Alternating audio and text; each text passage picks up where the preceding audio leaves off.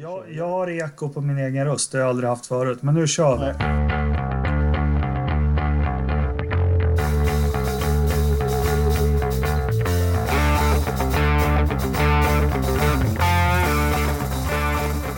Hej och välkomna till Forsa-podden avsnitt nummer 54. Tack igen. Tack så mycket. Idag är vi tre stycken igen och vi har faktiskt en, eh, en gästpoddare från, vår, från vårt forum. Men eh, vi tänkte så här att vi behövde en egen Blomman så vi har bjudit in Anders Blomqvist. Välkommen! Tack så mycket. Jag ska se om jag kan fylla de skorna. Ja, men det hoppas vi absolut att du ska kunna berätta vilka du har träffat på flygplatser och i lounger och så vidare. Jag har gjort klart listan för det så det är lugnt. Perfekt. Hur är det med Alo då? Tack, det är bra. Fan, den här Ja. inledningen blev ju mycket proffsigare än den vi, den vi spelade in alldeles nyss som inte blev något bra. Nej. Nu har ju bra flow liksom tycker jag. Ja, men det, det ska vi kunna sabba. Eh? Tärnström har låtit meddela att han eh, långstintar hem från Tyskland idag och kan inte närvara. Han delade upp det här. Det var en tvåstoppare va, eller hur? Vad sa han? Jag vet inte riktigt eh, hu- hur det var med han. Det var något, det var något sånt ja, precis. Ja. Och Ridderstolpe är i södra Italien och dels kollar italiensk media och sen håller han på med någon form av sophantering. Och, och han skulle träffa någon familj där eller vad var det? Ja, jag Ja. minns inte. Nej, precis. Nej, men han har ju redan informerat oss en del om italiensk media här via vårt lilla chattrum. Så att, eh, det kommer ju bli intressant och, och, och vi, du, du drar väl lite, du läser väl upp ur eh, medierna där som han har postat va? Ja, men vi har ju lite bomber och, och eller vi har ju en och annan bomb idag att dela ut eller? Ja, Smälla av. Eller Ja, okej. nej, det har vi absolut inte. Men du Anders Blomqvist, eh, vi brukar göra så när vi har gäster. Berätta lite om hur kommer det sig att du är med här och eh, har, har kommit in i den här svängen? Jag, jag är intresserad av Formel 1 och eh, kund till Anders normalt sett så att jag fick det här som rekreationsresa istället för en resa till eh, Monte Carlo eller va- vart det nu brukar vara. Men jag känner mig lite lurad.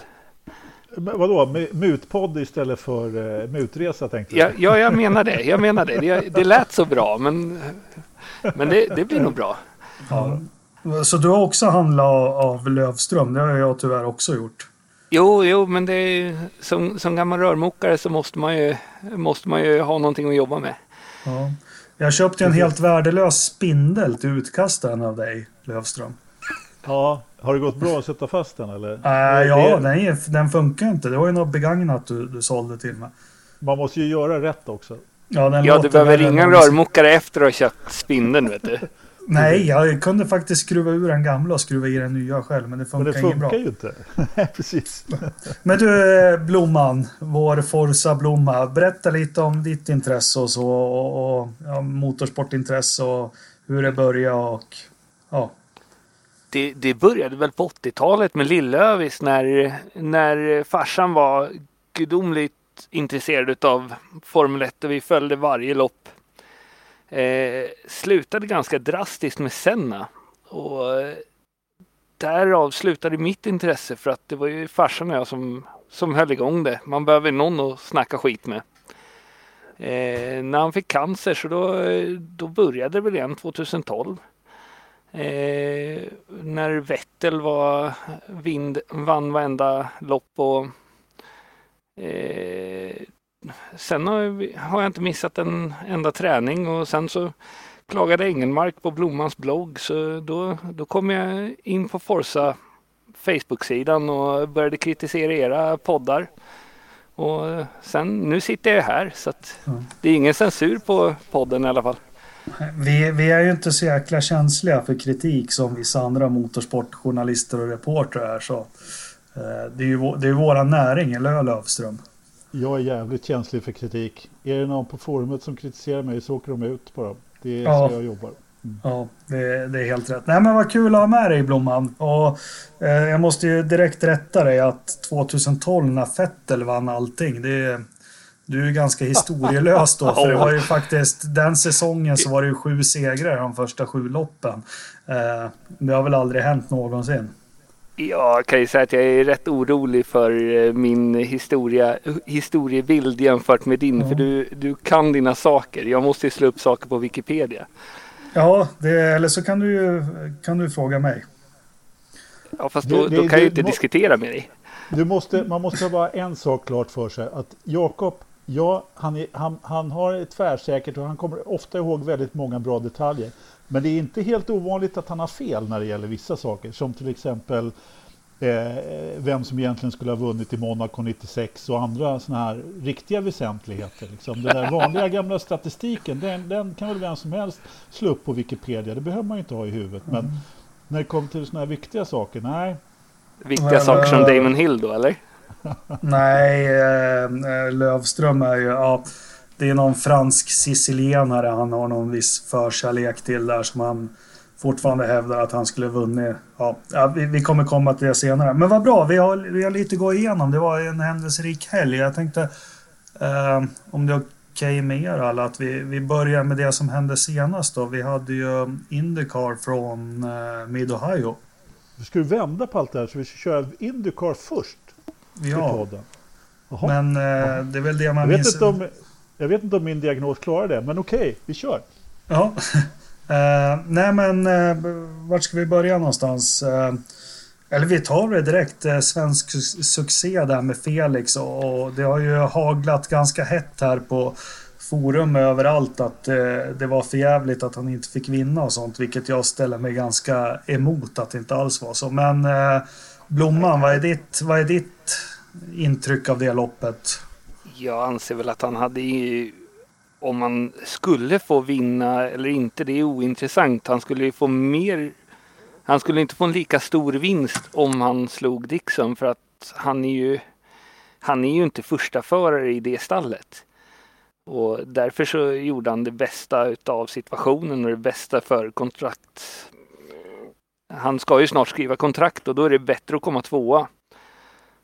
Eh, det är väl min syn på det. Du, eh, ja, du, ja, ja, tack. Du behöver inte säga mitt namn. Jag tänker genast ta upp det där som du sa angående om han fick vinna eller inte. Jag vet inte. Jag har sett en person som tycker att eh, det var helt fel att, eh, och som tyckte att de berövade Felix segern eh, för att de gjorde som de gjorde. Men vi, vi kan ta det sen. Jag, jag, kan inte påstå att jag har sett någon mer. Det kanske ni har gjort i och för sig. Då, men men eh, det var väl en förvirrad själ som tyckte det i alla fall. Ja, men ska vi ta det från början då? Det som var kul att se. För vi har ju varit lite, i, eller inte oroliga, men eh, frågande till Felix form. Men nu var det igen, nu var det armbågarna ut. Eh, han är ju, han var, kan man säga att han var stenhård? Ja, jag menar, han gjorde ju allting rätt. Han gjorde ju allting rätt i det här loppet. Och han fick ju, eh, eller allting rätt, men han, precis som du säger, han, han han hade armbågarna ut, tog för sig rejält. Det här är en bana som han kan utan och innan också. Jag, vet, jag tror faktiskt inte att det är helt ovidkommande faktiskt att han körde sin första test här och att han kan eh, och är snabb på den här banan överhuvudtaget. Så att, eh, jag tror faktiskt att det bidrog en del. Men för det första så gjorde han ju ett hyfsat kval, kommer sexa då och eh, eh men får inte riktigt till det där för att han eh, jag tror att de sparar, de andra sparade ett set däck på ett eller annat ja, sätt. Ja, han körde skrubbat lite... där på slutet och det fanns inget ja. kvar i Nej, precis. Men rent generellt sett så hans, jag vill bara säga det med hans stint där på, på röda i mitten som, som de gjorde i, vad var det, 15 varv eller någonting. Mm. De bytte strategi under loppet och det, var ju, det fanns ju en anledning till att man gjorde det. Han fastnade ju bakom eh, den här RC Emerson, eller vad fan, Emerson. Mm. Eh, ja, så det var, hans problem var ju varvningar i det här loppet. Och, och det är klart, hade han kommit om den här RC Emerson omgående där, ja, då hade de inte tagit in honom utan då hade de ju kört honom på samma strategi som Dixon och då hade han ju vunnit eh, med en country mile som de säger. Men, men, men, men Blomqvist, alltså bytte de strategi? Vad tror du Blomqvist? Bytte de verkligen eller var det bestämt från början? Har vi, har vi fått något bekräftat på det? Alltså, jag, jag tror att det, det, vi har definitivt inte fått någonting bekräftat men jag, jag tror att det, de följer ju de, de följer ju vad, vad ska jag säga? De, de, de följer ju... Jag, jag vet inte vad jag ska säga. Du... vad, vad tror jag, du då Löfström? Jag kan fylla i där. Eh, ja, men, eh, så här, ja men det är klart att de har en plan på någonstans som de ska köra och sen så Eh, och sen så försöker de att följa den. Det är kanske något sånt som du var på väg att säga Anders där. Men, men alltså, jag, jag vet inte, jag kanske minns fel. Jag brukar göra det. Men jag, jag har i alla fall sett på flera ställen att, att, eh, att man ändrade strategi. Jag vet inte om jag har sett det officiellt i och för sig. Men på flera ställen så, så har man talat om att man ändrade strategi i mitt på loppet. Jag är om jag inte är helt ute och cyklar så, så sa väl Felix det till och med, eller någon intervju efter loppet. Jag, jag har inte hört någonting. Däremot så vet jag att de kissade ju på sig kommentatorerna där i halvvägs och sa att nu, nu är lopp i hans hand. Sen vart ju alla blev förvånade när vi märkte att han, han gick på en tvåstoppare. Ja, alltså, ja, precis. Men det var ju då att han fastnade där bakom eh, varvade förare. Och grejen är ju också att Eh, han har ju inget track record på röda, mjuka. Eh, han har ju varit dålig på just den gummiblandningen och inte fått dem att räcka. Så att, och det är klart att de märkte då att han, eh, vet du, han inte kom, eh, kom vidare där. Ja, då, då, tog man förmodligen beslutet och man såg ju helt enkelt att han, att, att eh, han skulle jag tror att de hade räknat med att han hade kommit ut före Will Power. Nu gjorde han inte det, så han var tvungen att ta sig om honom då. Men hade han kommit ut före Will Power i det läget så hade han ju helt klart eh, klarat Dixon alla gånger. Men hur, hur, tuff var han inte när han, när han racear då? Va, vad säger Anders Blomqvist? Va, alltså är, var du imponerad? Det ja, det är ju skönt att se att Felix är tillbaka. Det är ju som, som när han startade en gång för länge sedan i början på året så är det ju då, då var det ju den Felix man trodde skulle komma och det känns som att han kom tillbaka idag. Eller i, i söndags. Absolut.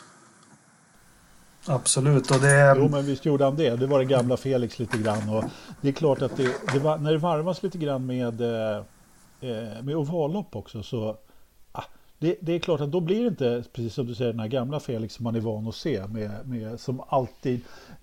Man, man, jag har ju sett Felix sen han körde, jag vet inte, F3 i alla fall många säsonger. Och det är klart att då, då var man alltid beredd på att startar han några platser ner så skulle han alltid köra upp sig. Det var ju alltid framåt man tittade, liksom när det gäller Felix. Alltid. Och han var aldrig inblandad i några konstigheter. Eh, det var en av hans absoluta styrkor. Och det är klart att det har blivit hans fall lite grann här i Indycar. Han har blivit lite, lite försiktig. Men var det någonting han var i söndag så var det ju eh, armbågarna ut, precis som du säger. Och han gjorde ju omkörningarna på yttern där på Will Power. Den var ju helt fantastiskt bra. Ja, ja men det var ju flera han tog, tog på yttern också. Och sen just när man... Eh, vi som är lite nördiga, men nu ser vi ju inte, vi ser ju inte förarna, vi ser ju bara hjälmen. Men, men på något vis kan vi se på kroppsspråket att att det var lite stake. Ja men helt klart. Helt klart. Det var, men, det var en gång. Var det, inte bara, eh, var det bara jag som fick ont i magen när jag såg Felix gå ut på rött och tänkte nu, nu faller han för det, här kan, det kan inte gå så här bra. Nej, du var nog inte ensam om att ha ont i magen och, och handsvett och, och, och eh, diarré och precis allt möjligt. För det var, men det, det här är ju inte vi som har följt motorsport eh, så här nära. Vi har inte upplevt det här med, med svenskar sen Kenny Bräck körde för 17, 18, 19 år sedan. Liksom att det blir en helt annan krydda och när en svensk är med och slåss om segern på det här viset. Men vad fan, såg du inte Toronto-loppet när Marcus var tvåa eller? Missade du det? Tvåa? Ja, ja han heter Marcus tvåa. Eriksson. Som Nej, han var väl i... var han tvåa? Ja. ja. Bröt alla andra då eller hur? Han, lång, han långstintade. Han långstintade. Men And äh, Lövström, du ska, Alo, du ska få prata om Marcus snart. Men... Äh, Vadå, det är inte så eh, mycket att prata om honom i det här loppet. Nej, men vi ska, vi ska väl ändå nämna det på något vis. Men, men, men det som var... Nu såg jag, jag såg ju inte Formel 1-loppet direkt. Jag var ju tvungen att kolla en inspelning sen eftersom jag firar min dotters födelsedag. Men... Eh, Alltså, nu kommer den här jämförelsen mellan Indycar och Formel 1 igen. Man, vi börjar bara med banan Hockenheim mot Mid-Ohio. Liksom vilken skillnad, alltså vilken bana det är. Mid-Ohio ja, den är helt fantastisk. Med, ja. Med, ja, men det ser ut som en riktig, alltså jag har, Hockenheim är en av mina favoriter just för att det är lätt att köra om och jag gillar det här med det som vi pratade om i förra avsnittet också. Men, så att eh, jag har egentligen ingenting ont att säga om Hockenheim men Mid-Ohio är ju, det är ju en annan skola där helt klart och den är ju å andra sidan lite svårare att köra om på då. Men det visar de ju att det går också. Och just loppet i söndags där det inte var några gulflaggor var ju helt eh, nervkittlande ändå. Ja. Nu kanske det var kanske lite extra nervkittlande just för att Felix var där han var i, i ledning och höll på Eller ledning. Det var ju, det var ju i och för sig också, men att han tampades om ledning. Alltså det gick ju ganska, ganska tydligt upp för en att eh, han skulle vara med i toppen. Och Förresten, det du sa, är att de började snacka mitt i, att de fick hybris och började prata om att han har det här i sin hand. De fick ju lite kritik på det för, för, på Forsas Facebook-sida där, att, eh, av, av några som inte riktigt gillar det. Jag måste säga det, jag tycker det var rätt bra. De hade ju rätt. Ja, jo, ja, ja, nej, de ska inte ha kritik för det. Jag tycker, alltså, det, de var ju engagerade. Ja, vi behöver mer det i tv-rutan. Ja. ja, absolut. Men det, ja, men det man kan säga med det, vi sa ju det, ja men härlig bana och sen de får ju ihop det hela tiden. För det, här, det som du sa, det var inga gulflaggor eller någonting. Men de får ihop det att det är ju det är spännande sista tio varven hur man än vrider och vänder på det. Men det, det som är skillnaden för mig som inte har följt det här så himla länge det är ju att jag har fortfarande svårt att, att liksom läsa racen. För det är vi pratar om det, Formel 1 är ju väldigt statiskt och du ser om någon går på en tvåstoppare eller trestoppare så ser du att det är kört efter en tredjedel av varvet. Eller en tredjedel av loppet så vet du hur det ska gå. Men här är ett sånt jäkla lotteri hela tiden och, och, och det gäller att hålla sig vaken som åskådare på något vis. Ja, inte bara för att det sänds så jävla sent, men jag skulle vilja komma tillbaka till vad Anders säger om Hockenheim om att det är en bra bana. Jag vill påstå att Tilka har förstört den totalt men att vi har haft två år i rad med regnrace.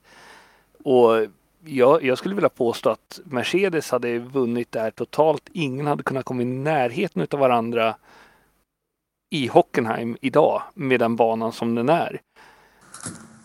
Nej, det, det finns avåkningszoner som en, en traktor i 300 km i timmen hade klarat de kurvorna. Men, men fast, däremot så... fast ändå gnällde de ju på dem att de var för hala. Leclerc och så. Men ja.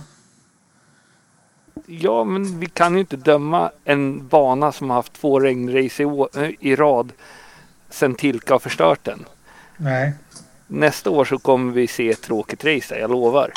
Ja, men vänta lite nu här. Det har varit, eh, vi kan snacka mer Formel 1 sen, men det har ju varit många race, eh, många, många andra race som har varit torra på, på den banan. Så att, eh, eh däremot så i Formel 1 tycker jag passar på den banan. DTM passar definitivt. F3 och oh, vad heter den? W-series, ja sådär. Men eh, nu börjar Jakob sucka här igen. Formel 1, ja. Nej, men om man pratar det här med, här med Indycarloppet och statiskt och, och, så vidare. Alltså jag tyckte ändå att det var det här på Mid-Ohio var ett av de mer lättlästa. Även om det är precis, jag håller med dig där Jakob, att de är svårlästa loppen på ett eller annat sätt. Eh, och, och, ja, det kan vara lite svårt att hålla sig vaken också kanske lite, lite sent. Eh, sådär. Men de hade ju, det förra loppet var, hade de i alla fall den goda smaken att köra mellan lördag och söndag så man kunde sova lite på, på söndag i alla fall. Men eh, alltså jag tyckte ändå att eh, eh, strategierna var ganska klara där i här. Det som var problemet eh, och, och, de hade ju behövt lite blåflaggor då, då tyckte vi åtminstone med svenska ögon då. Absolut med svenska ögon men ja. Ja, och jag vet inte riktigt om jag tycker att jag har lite svårt för det där med, alltså jag har inga problem med att, att de eh, har lite svårare att ta sig om. Men jag tycker ändå att det skulle behövas blåflaggor. Vi, vi pratade ju lite där i någon tråd, Jakob. Eh, och du sa, när eh, det var en kille på forumet som skrev, vem var det? Jakob? Jo, eh, ja. Eh, strunt samma. Eh, en som vi brukar käftas lite grann med som sa att de sa du, eh, vad var det de sa Jakob? You have blue flags if you want them eller någonting i den där stilen. Ja men det, det, det, det var väl något sånt men, men det som är det som är eh, Ja, men, nej, men nu, nu är vi ju färgade för att, för att eh, ja, men Felix låg där han gjorde det. Men eh, jag tycker att de kan få racea, men det kanske ett varv räcker. Eller? Nej, men alltså det är klart att de ska racea. Vad fan, de, de, eh, ligger man på ledarvarvet så gör man inte så dåligt från sig. Det är så korta varv. Det är, det är, självklart ska de racea men det är ju störande när Felix är den som racear dem. Ja, det är jättestörande. Jättestörande. Kan... vi, har, vi hörde väl radiotrafiken nu som har kommit ut också mellan Felix och hans ingenjör. Uh, att han var väl inte... Det var väl mycket fuck och...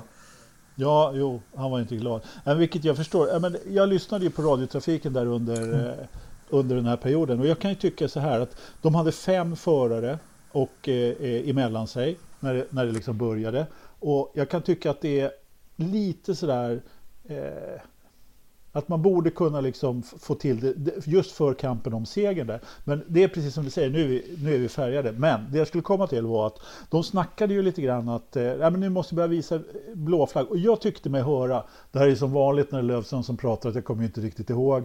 Eh, jag låg halv, inte halv så, men man var ju på, på bettet där och, och så vidare. Men jag tyckte precis att de sa någonting i stil med också att eh, de eh, varvade förarna körde för fort. Det var helt enkelt så att anledningen, Dixon backade ju upp dem, så att eh, det gick ju helt enkelt inte att eh, använd, köra några blåflaggor överhuvudtaget. Eh, för att de var helt enkelt för långsamma. Jag vet inte hur pass det är bra det stämmer. Men vi, vi ska väl låta det vara, vara för vad det är där borta. Ja. Alltså, nu nu som sagt, vi är jättefärgade. Vi, och, vi kan ju och, glädjas av slutresultatet oavsett. Det, är ju, ja. det kunde inte ha gått bättre. Absolut. Han var väldigt, väldigt nära att ta det där ändå. Hade det varit ett halvt varv till så hade han ju gjort det definitivt. Så att, men grejen var att jag gick faktiskt in och läste reglerna lite grann i... i, eh, i, i eh, Gud vad tråkig du är. Ja, men förlåt då för fan. Jag blev ju... Ja, men jag blev lite... In, ja, men inte så att jag på något sätt eh, tycker att det var fel på det sättet. För racingen är ju som den är. Men jag tänkte att jag måste ju på något sätt liksom kolla upp. När visar de blåflaggor och när gör de det inte? Helt enkelt. Och då visar det sig att eh, liksom själva eh, stycket med blåflaggor i Indycars reglementer, det är, liksom, det är tre meningar ungefär. Det är ett reglemente som man, det är som Bibeln, liksom. får man hålla på och läsa det. Det är 500 sidor. Men eh, om till mer. Och eh, det var, ja, i praktiken så var det, ja, på ovaler om, om blåflaggen visas eh, så, är den, eh, så behöver man inte följa den. Och på road courses, om det är den posten vid start och mål som visar den, ja då måste man, då måste man flytta på sig inom ett varv. Ja. Så det, det fanns ganska mycket utrymme för tolkningar om de andra posterna visade blåflagg. Man behöver helt enkelt mm. inte följa dem. Och det här tyckte jag var lite märkligt. Så jag, ska, jag funderar på att jag ska faktiskt forska lite mer där. Jag tror att helt enkelt att man gör lite olika. Ja, nej men, eh, ja, men hur som helst, det som blir signifikativt för den här olika. Det är väl det om man ska ge Ternström lite beröm. Men alltså det är en helt annan typ av racing och du kan köra sida vid sida här. Det är ingen vinglande eller någonting. Jag tycker eh, fast du kommer ikapp varvade eller backmarkers och allting. Det är, det är ju rättvis eh, racing hela tiden som det kanske inte är. Alltså Formel 1 känns som en jävla uppvisning i, i, i jämförelse. Att du, du ska åka där och dina blåflaggor och allting och ha fritt fram och, och, och köra vidare. Här liksom, här, det, det är jävligt hårigt. Kan man säga så? Det är hårigt. Alltså de, det är tuffa killar.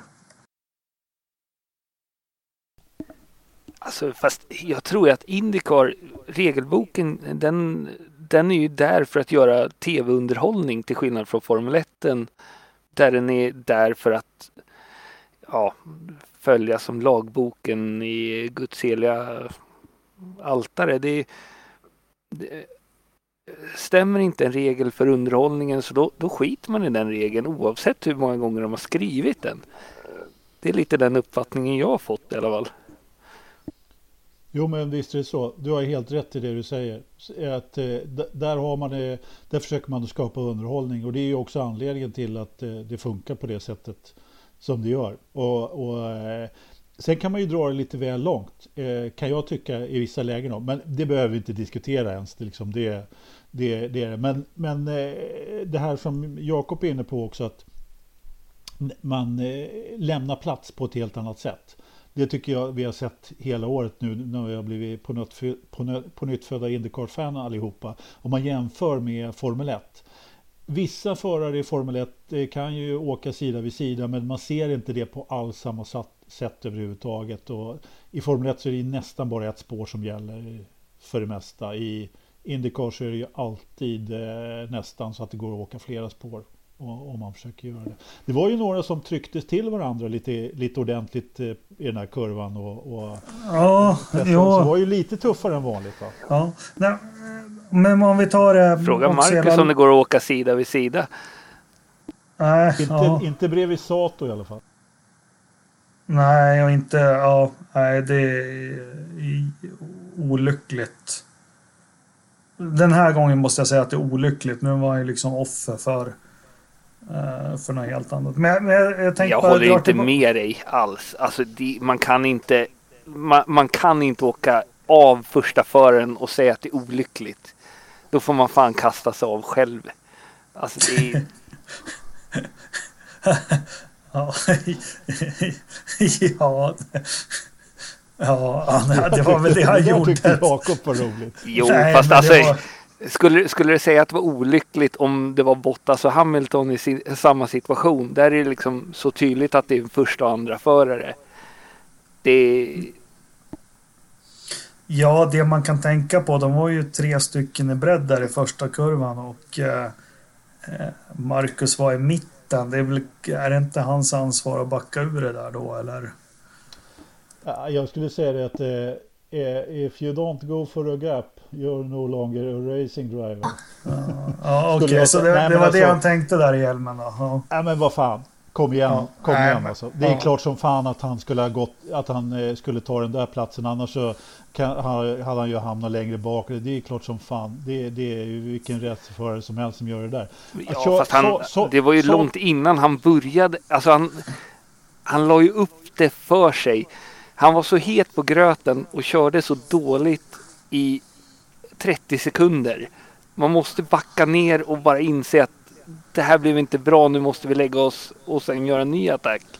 Nej, jag håller inte med överhuvudtaget. Sato tryckte av honom som så, så att han flög in i, i Hinchcliffe. Så, så, så enkelt var det med det. Ja, grymt oflyt tycker jag också faktiskt.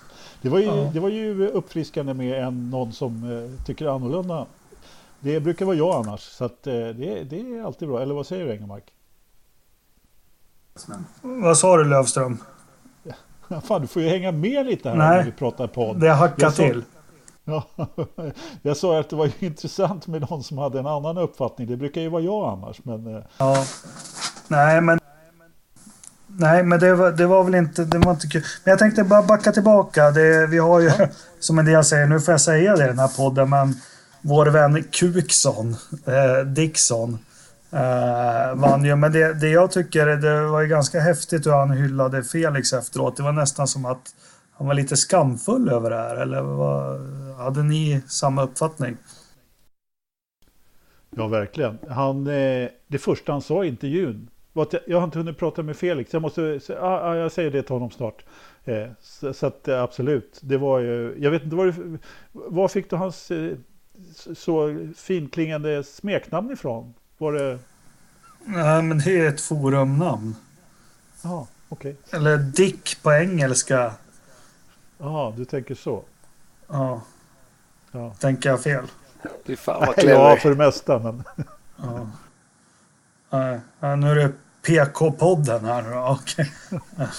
alltid, alltid. Ja. Vad säger du, Blomman? Jag rånar ju. Men alltså jag, jag anser att alltså, hade, hade Felix tagit sig om så då, då hade det bara blivit skit för honom för då hade det blivit en konkurrens mellan honom och Dixon. Nu anser jag att de, de samarbetar så pass bra att det bästa han kunde göra det var att komma strax efter honom etta, tvåa. Det... Fast han, han försökte ju fan i mig. Ja, jag vet. Fast det, det känns ju som att eh, det är ju racerföraren Felix som gjorde det. Mm. Men inte, ja, alltså det är klart som fan, det är precis som du säger. If you don't go for a gap. Men eh, det var det absolut bästa som kunde hända. Ja. Han gick ju dessutom för ett gap som inte fanns. Och då är man ju en riktig racerdriver. Mm. när, han, när han dessutom eh, puttar till Dixon lite där i... i, eh, i jag kommer inte ihåg vilken nummer den där kurvan har överhuvudtaget. Men, ja, men det var, det nej, men de har ju, nej, men de har ingen nummer där. De har ju fräna namn. Vad var det? Hellhole och vad, vad heter... Alltså det var ju... Det var ju tuffa namn. Nej, men, ja, det har jag missat helt och hållet. De brukar alltid ha nummer på, i USA på kurvorna. Det är, för Nej. det är kurva 1, 2, 3. så det är inte Nej. så jävla mycket mer. Fyra ibland också. Ja, Nej, men... men här jag har ju några till. Nej, det har jag missat helt och hållet. Jag är som sagt dålig på kurvan överhuvudtaget. Men det var, det var, det var, han försökte. Det var ju många som, vi hade ju, hade ju en liten racetråd där vi pratade. Det var ju många som trodde att han kommer inte få utmana Dixon. Men det var The, Key, The Keyhole och Thunder Valley och okay. China Beach hette väl kurvorna där. Ja. ja. Bra jobbat. Nej, men du måste, får, du måste börja lyssna Lövström. Du måste börja lyssna. Kan inte ja, bara eh, prata. Robin... Jag måste bara lyssna också. Det ska komma från dig. Uh Jag lyssnade på Robin, eh, men jag lyssnar bara på väsentligheter. Jag bryr mig inte så mycket om kurvnamn och jämnfärger och annat trams. Nej, nej. Anders Blomqvist, du då? Du bryr dig? Ja, den, enda, det är, nej, den enda jag kan det är corkscrew i amerikansk racing. Det är en, alltså, jag är så pass ny till Indycar så att jag började följa det i år. Jag, jag vet att de har två sorters eh, däck och sen så följer jag racen så gott jag kan. Fast då vet du mer än någon annan här. ja. Eller hur? Ja. Korkskruven den känner jag också till faktiskt. Eh, ja, men.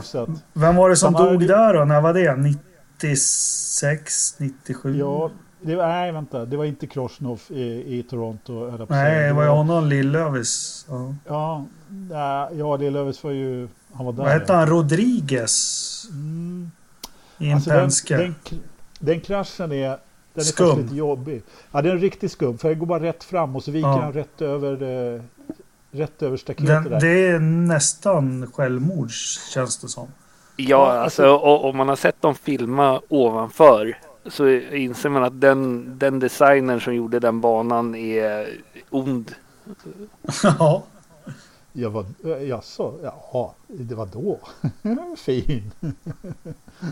Hur ska vi göra en omöjlig kurva och sen så designar vi den? Ja, det låg ett berg där. Vi kör lite, lite asfalt nerför här. Det, det, Tilke skulle ritat en hårnål där. Han skulle asfalterat halva jävla stan, Kalifornien.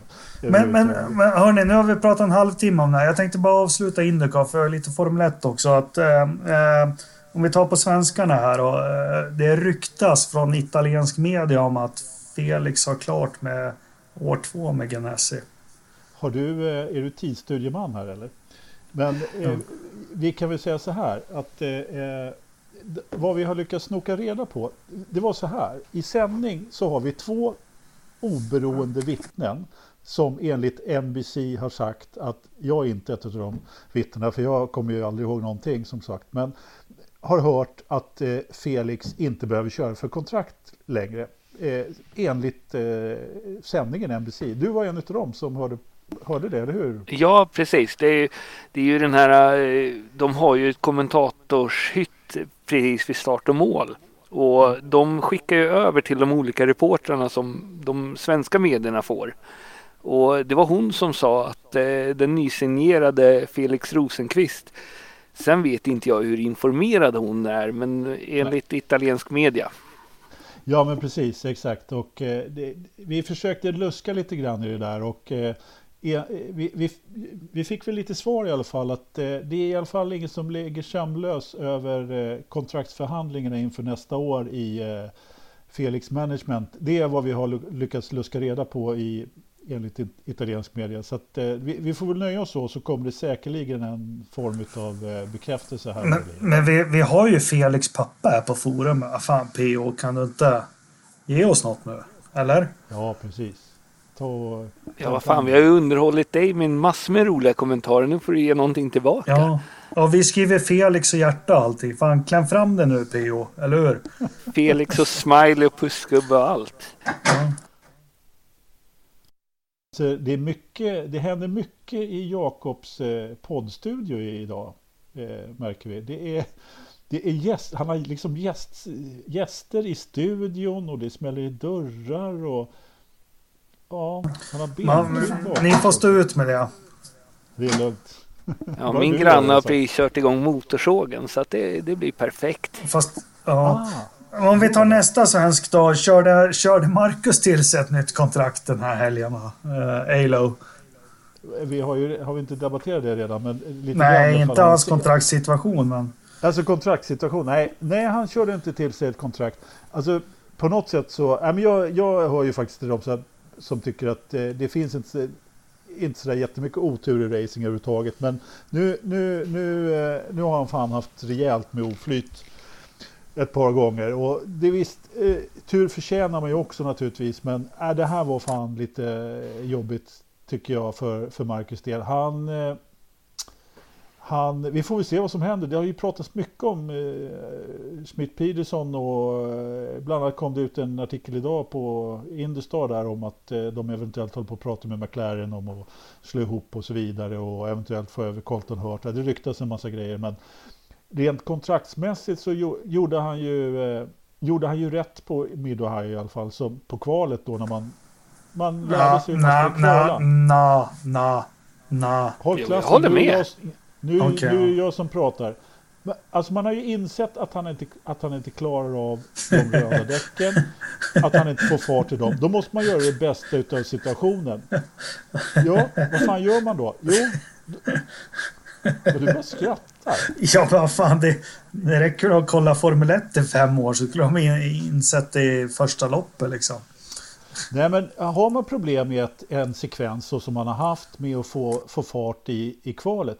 Ja, det är klart som fan att man måste göra någonting åt saken, vilket de gjorde då. Och ja, han fick en hyfsad startposition. Nu kom han ju inte speciellt långt ändå då, men jag menar, han är ju ingen toppkvalare så han måste ju utnyttja sina, sina du, styrkor som han har, vilket han Ja. har i, i loppen och det har vi ju sett gång efter gång. Så det är ingen idé att försöka hålla på och ta sig till eh, fas 6 utan det måste man ju jobba med, metodiskt och, och börja på det här sättet som man gjorde. Och det, jag tycker att det finns inget annat sätt att göra det på. Så Nej, men jag håller med. Det är bättre att starta i mitten än, än 2021 som han har gjort förut. Absolut. Ja, ja, men så är det ju. Så är det. ju. Men kontraktet, ja vad fan, det vet vi absolut ingenting om. Det, det ryktas ju... I, kanske enligt inte deras hemsida så har han ju kontrakt för nästa år. Eh, men, men det står ju inte att han är... Han, det står att han har kontrakt men inte vilken eh, bilnummer han, han kommer ha. Så Okej. att eh, han har ju kontrakt för nästa år men om han får köra eller är reservförare det är en annan sak. Är fan. han för dålig så Fan, det har jag inte ens tänkt att kolla på en sån sak som på, på, på Hemsidan. på hemsida. Nej. Fan, Nej, det är bra, vi vi kör på som- italiensk me- media. Ja, ja. Vi har en kille som gör research här Jakob. Det här är ju ja, det här är sjukt. Han måste vara med. Slösurfa är en annan sak. Det, min, min faktakunskap kan vara bristfällig men Ja, ja. Nej, men vad ja. fan. Det, Nej, det men man får reda på mycket när man sitter och skiter av mobilerna. Så, jag menar det. Jag menar det. ja, så är det. Ja, men du, det får du, lägga, det får du lägga ut om du hittar någon sån bekräftelse. Men vi får Jag, hoppas jag, jag, ska, jo- jag ska jobba på det när Anders redigerar. Ja, Men som, som jag har förstått det så eh, Felix chippar väl in lite pengar för att köra Åre och... Nej, Felix? Mar Marcus chippar in en ganska bra slant för att, för att köra och... Det står ju Bauhaus över hela hjälmen så att nå, någonting måste han ju lämna. Ja. Så vi uppmanar alla tittare och lyssnare här att dricka mycket mjölk för det tetrapack av en royalty på varje mjölkpaket som... Och Ja. bygga många altaner i sommar. Ja, det är. Det också. Ja, men det, det påstås ju i alla fall, eh, jag vet inte hur pass sant det här är, att, eh, att det här är på något sätt avslutningen på samarbetet mellan sponsorerna och Marcus det här året i Indycar och att han behöver göra resultat för att eh, få köra kvar. Eh, Mm. Sen om det är, eh, det är ju bara spekulation och rykte naturligtvis, men det, det är det vad jag har hört i alla fall. Ja, men Lövström, jag, jag litar på dig. Du fan har ju grävt riktigt bra förut. Så Du får fortsätta att gräva nu. Ja, men eh, som sagt, då, då, var det ju lite mer eh, fakta att hitta. Men, men det här är bara, bara vad som har surrats om. Det, det är som sagt bara spekulation. Men vi får se. Bra, men du, då stänger vi Indycar då. Är vi, är vi med på det? Eh, okej okay då. Ja, okej okay då. Ja. Eh, Tyskland då? Hockenheim. Eh, Mercedes 125 år. Hängslen ja. och flugor och, och stora overaller. Och, ja. Jag, jag hörde bara... att eh, Netflix var där och spelade in och därför så eh, körde de jag vet inte om det är Drive to Survive eller någonting som skulle köra den här helgen just hos Mercedes. Nå det... Något skit måste det vara. Ja, Deras de hade... producent måste ju ha blivit underbart glada. Ja men de hade ju Netflix, de, fick, de filmade ju inte hos Mercedes förra året. Netflix i serien där. Så att eh, i år så fick de tillåtelse så, så sa Mercedes att de fick vara med. Sen vet inte jag om det stämmer att det bara var Tysklands GP de fick fil filma på. Men det, det, det låter ju som en händelse som, som mycket väl kan vara sann. Det vore ju helt fantastiskt om det är så. Vi, vi, vi kommer att filma till ett hemma Grand Prix liksom. Mm. Eh, hela teamet klär ut sig i clownkläder allting, precis allting går åt helvete i loppet. Det, det ser ut som en jävla pilsnerfilm när de körde påstopp. Alltså, någon... Både kläder och, och resultatet ser ut som en pilsnerfilm. Ja, men kan de inte göra någon svartvit och lägga på någon piano på, på liksom? ja. Kan inte någon som klarar av sån redigering göra det? För det, det var ju verkligen så det såg ut när jag hade på stoppet. Alltså. Uh -huh. Det, det, det behöver man inte redigera. Det är ju bara att sätta deras Hamiltons depåstopp på, i svartvitt så har du färdigt. Ja, precis. Vi, vi hade ju en forummedlem som gjorde en annan bra liknelse, men den ska vi inte ta här för den är men den, den var i alla fall väldigt bra. Men eh, jag får väl stoltsera. Nu, nu, nu satte jag inga pengar på det, men eh, Lövström, du vet väl att jag skrev ju att redan på lördagen vem, vem som skulle vinna. Ja, det är klart. Du har ju postat det ett par gånger så att vi inte ska glömma bort det. Så att, eh, ja, det är klart att om man gissar eh, tillräckligt många... Det är ju som... som Gissa, som, det är ren och skär kunskap som... Om man gissar, liksom, om man gissar även en blind höna och så vidare. Om man, man gissar tillräckligt många gånger så, så får man ju... Ja, men jag, har ju jag har ju till höger om mig som sitter med nu har jag min travälskande kompis här som säger att allt handlar om kunskap. Okej. Okay. Ja, det är bra. Det var, det var som i förra avsnittet som aldrig kom ut, som när jag gissade rätt på temperaturen i datorförrådet. Ja, precis. Ja, det är lite så. Men eh, det är också sån här råskär kunskap. Nej, men eh, vad heter det? Man kan ju lugnt säga så här. Vi, du jämförde ju Formel 1 och Indycar förut. Eh, och eh, alltså, jag kan, väldigt många tyckte att det här var ju det loppet som eh, Formel 1 betydde, eller be, behövde. Och eh, att det liksom var Guds gåva till motorsporten ungefär det här loppet. Och, alltså jag kan väl hålla med om att det var en väldigt underhållande tillställning men det var ju inte det bästa Formel 1-loppet jag sett i mina dagar. Alltså, det var det Nej, artifi artificiellt. Eller Blomman, vad säger du? Jag, jag tyckte jag hade svårt att hålla mig vaken om det inte hade kraschat så otroligt mycket. Jag, jag har svårt att se att lägger man 850 miljoner på personal och sådär, att man inte kan få ut rätt däck till en förare. Det är, jag, jag blir så trött på. Däremot så tycker jag det är kul att Stroll kom fyra. Det, nej, det nej, ja, ja, men nu kapar vi dig nu direkt. Kopplar du bort honom, Lövström?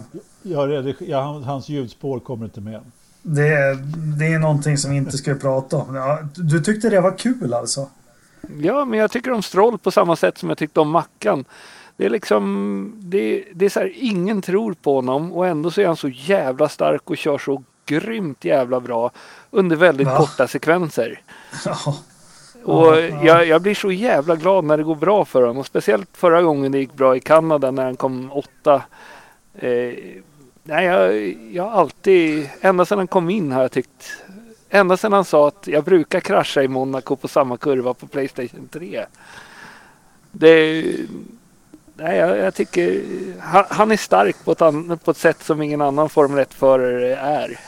Men fast, fast, fast, du, fast du ens... Ja, Ja, Vi har tydligen bjudit in Sveriges enda strollfan till podden. ja jag tror... Ja, men jag vinner öl om han vinner över eh, Grosjean. Så det är klart att jag måste hålla på honom.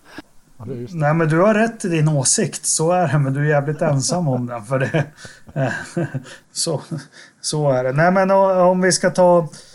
Hur, hur ska vi plocka ut racet då? Om vi, vi har ju kval Ferrari där. Det var ju inte alls... var inte alls något bra. Och sen så har vi... Nej, men vi kan väl Eh. börja där bara kommentera kvalet överhuvudtaget om vi ska ta det i ordning. Så, så eftersom vi inte tar någonting annat i ordning så idag så kan vi väl eh, åtminstone bara, ja men hallå, vad håller de på med egentligen? Och så är det två av, av, av sig oberoende olika fel då som gör att först får, eh, först får Fettel, eh, nej vad säger jag, först får, eh, jo Fettel kliva ur. Och Mm. dessutom då, vad var det för någonting? Det var Turbon. Turbon, Ja, Ja, luft precis. till turbon. Ja, precis. Ja, för de började, de, just det, de snackade om att det var elfel först, så att de började lyfta på motorkåpan nämligen eh, och härja där under. Ja, och sen så eh, lite senare så, så, så eh, kan inte Leclerc kvala i Q3. Jag menar, de gör ju precis allting fel. Japp. Nej, de gör allting som italienare. Ja, Alltså Ja. du som är i rörmokarbranschen. Italienare kan inte skruva ihop två saker. De kan göra saker med passion. De kan göra saker som går snabbt. Men de kan inte skruva ihop två muttrar så att de sitter ihop mer än, ja, Ja, ja, så kan man också se det. Eh, när Ferrarin höll, eller ja just det, det var ju den, Mick körde ju sin pappas gamla, jag kan ju inte nuffrorna på de där bilarna heller. Vilket Men är den verkligen byggd av bara italienare? Jag har för mig att Mick hade eh, rätt många tyskar och andra runt sig som hjälpte italienarna att skruva ihop den där Ferrarin som Mick körde. Inte tyskar, eh, det var det jag skulle komma till. Han, för det första var det en fransman som var stallchef för, för Ferrari. Han hade en, en eh, britt som chefstrateg, och, eller det var, det var ett brittiskt stall då. De, Ja, eh, Sydafrikan som designer också får du inte glömma. Precis, eh, exakt. Mm. så det, var ett helt, det var ett helt annat stall då med, med, med det folket. Nu är det mycket, mycket mer italienskt på det sättet. Och jag tror att, eh, även om jag kanske inte vill gå så långt så jag gör mig osams med hela Italien som eh, vår du får sparken då. Gjorde. Ja, precis. Mm. Då, då, det vill jag kanske inte göra, även om jag inte planerar att besöka Italien på den närmaste tiden faktiskt. Men eh, ja, de har nog kunnat gjort en och annan motor som har hållit en stund i alla fall. Men eh, Ja. det går inte bra nu alltså. Nej, men, men kvalet där. Hamilton, Hamilton var ju riktigt risig, alltså sjuk. Det, eh, det, det ska han ha, men han tar, han tar hand om pole position. Eh, Max är tvåa, Han, va? han hade lite ont i halsen. Ja, för fan. Kom. Ja, jag skulle säga det. Han, han orkade ju skata på sin lilla rullbräda där så att jag menar så jävla dålig var han inte. Det var inte så att de åkte Men dit i har, ni inte bår. sett, har ni inte sett i, i intervjuerna efteråt? Han står ju och håller sig om halsen. Så han har ju jätteont stackarn. Han sa ju, jag hörde BBCs intervju nu. Han sa ju att jag känner med alla människor som ligger på sjukhus och är sjuka. har ni inte hört det?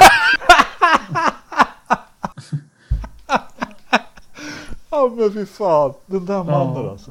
Ja. Herregud. Ja, Men skit i samma. Om vi, om vi säger racer då. Ja, jo, det var väl händelserikt. Men lite poäng jag måste sniffa upp. Det är ju både Leclerc och eh, Hülkenberg var jättearga på att det var så halt utanför banan. Det är ju... Ja, shit. Det är ju inte... Det är inte...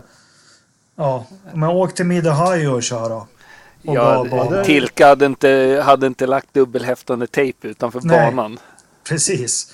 Eh, en sån sak. Vad har vi mer? Mycket... Nej men vad fan, det är inte så mycket att vara arg på. Jag vet inte om Hylkenberg var... Hylkenberg, när, om vi pratar om honom, han var nog mest arg på sig själv skulle jag säga. För det första så, så slaktade han ju Ricardo på, på kvalet. Och, och, eh, men det kan ju varit, jag vet inte, du vet ju, jag försöker egentligen bara att ta Hülkenberg i försvar för att eh, du inte gör det Jakob. Jag gillar inte heller Hülkenberg. Det kan ju ha varit någonting med, eh, Eh, med Ricardos bil naturligtvis. Eh, det gick ju sönder senare så det, det, verkar ju som att allting stod rätt till. Men han satt ju i motorhomet och grät ungefär som Micke Häkkinen bakom busken på, på Monza där. Mm. Vilket år det nu var. Typiskt tysk, eller inte. Ja, eller hur? Nej, men, men jag menar, det är ingenting att gnälla på. Men om vi ska ta, Verstappen gör ju ett fantastiskt race. Eh, Um, om vi ska försöka bara ta ut lite saker lite fort. Att Hamilton, han gör ju faktiskt två misstag på ett lopp och det, det är ju mer än vad han har gjort senaste 6-7 säsongerna. Jag tycker inte man ska lasta honom så hårt från det, men alltså han hade ju det här loppet i sin hand. Uh, verkligen.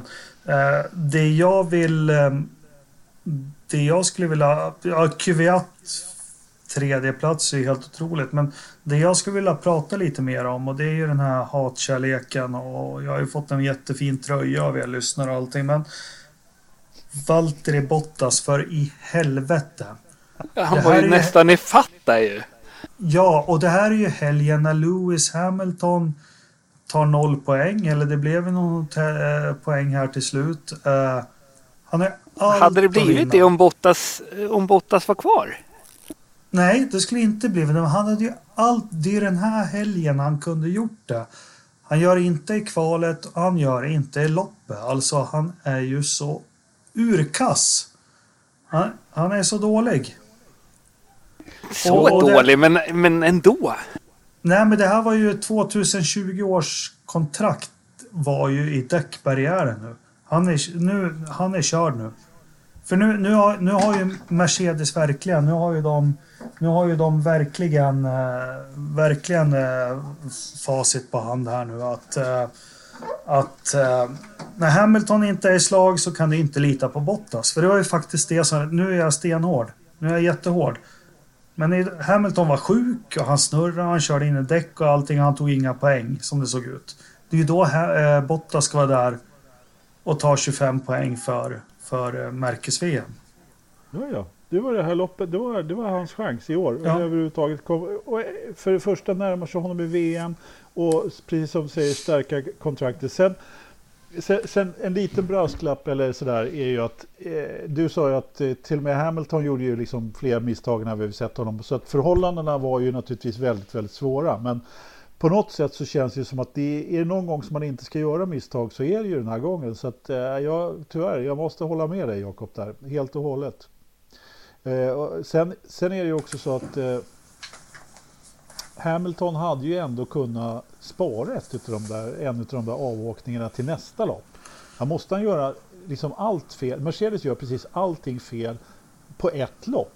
De gör precis allting rätt alltid annars har gjort hela säsongen. Ja. Men just ett lopp, ja, då gör de precis, för de kommer inte göra några, och Hamilton kommer inte göra några fler misstag i år, det är jag helt övertygad om. Och precis Nej. därför så är ju din analys rätt, att ja, det var nu som eh, Bottas skulle ha gjort det. Och särskilt när Mercedes har gått ut ganska rigida och sagt att det är nu i augusti vi kommer välja vilken förare. Nej, äh, nu, han satt sig själv i muren och så satt han och Conny i bilen Jag, nästa jag år, tror Bottas kommer tillbaka. Hamilton presterar aldrig när det är färdigt. Det, Nej, han, det har du rätt i. Nej, så, det har du helt så, rätt i. Då, då kommer Bottas komma tillbaka och få ett kontrakt för nästa år. Det jag tror det är att Honda kommer tillbaka starka med Red Bull och kommer slå ner Mercedes till nästa år. Vilket kommer göra att Hamilton slutar. Bottas kommer då inte ha en första förare och backa upp och vad ska han göra där då? Men tror du Hamilton lägger av alltså? Om Mercedes inte vinner varje lopp, absolut. Han, han får ont i tån bara, bara däcken eh, får en gummiflisa på sig. Ja, när skulle han lägga av menar du? Efter nästa säsong? Efter, efter nästa säsong om man inte vinner 17 av 18, 17 18 lopp ska han vinna. Då, då kan han vara kvar till 21 men annars så skulle han inte fortsätta.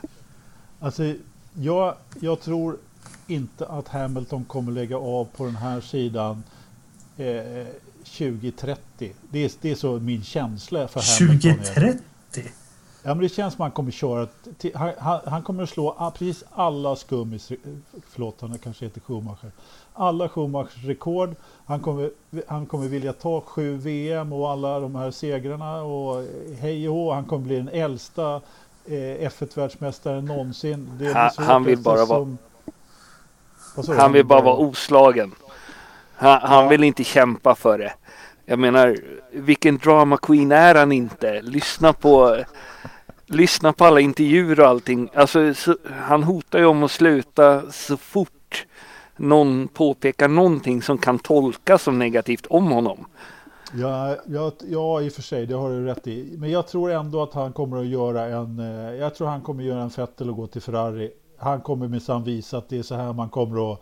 Det är så här man kommer att vinna med en Ferrari. När hans eh, kontrakt nu eh, eventuellt går ut då, så, så är jag helt... Jag tror inte han kommer att sluta. Jag hade haft den här... Om Mercedes kanske drar sig... Ah, jag vet inte.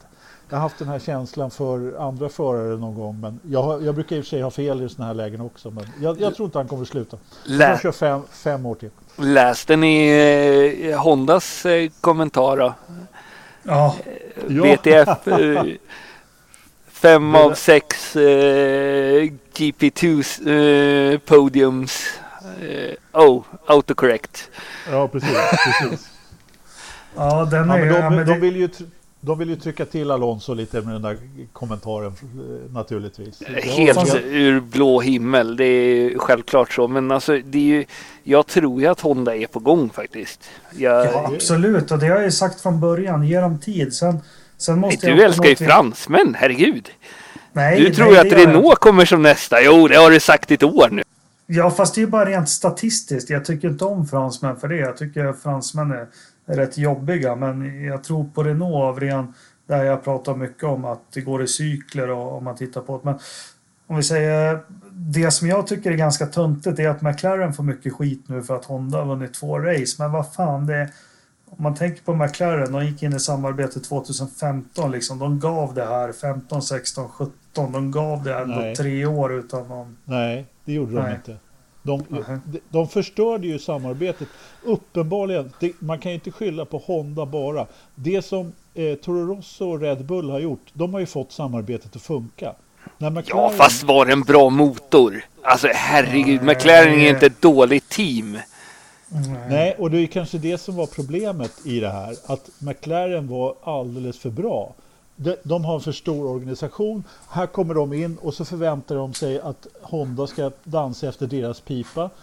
Vilket de absolut inte gör, utan man har ju vissa förutsättningar. Utan de trodde helt enkelt att Honda ska bygga en, eh, en eh, motor som kommer att göra oss till världsmästare igen.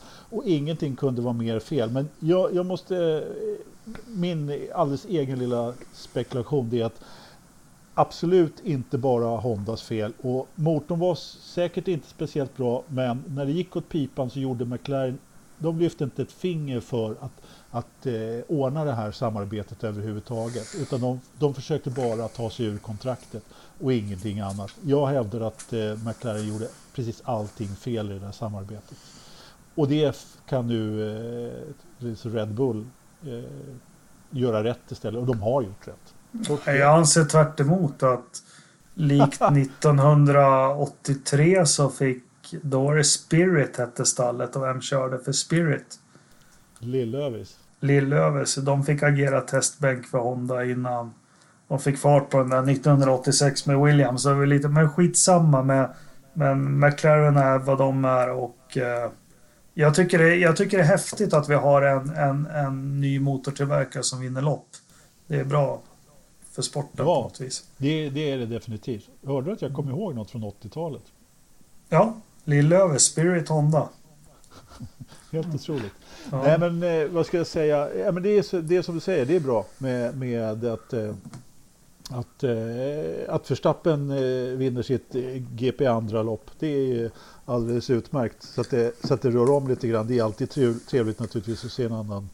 En annan och jag menar, hallå, kom igen. Han gjorde ju, han satte ju inte ett hjul fel, eller det gjorde han visst det. Jo, han snurrar ju.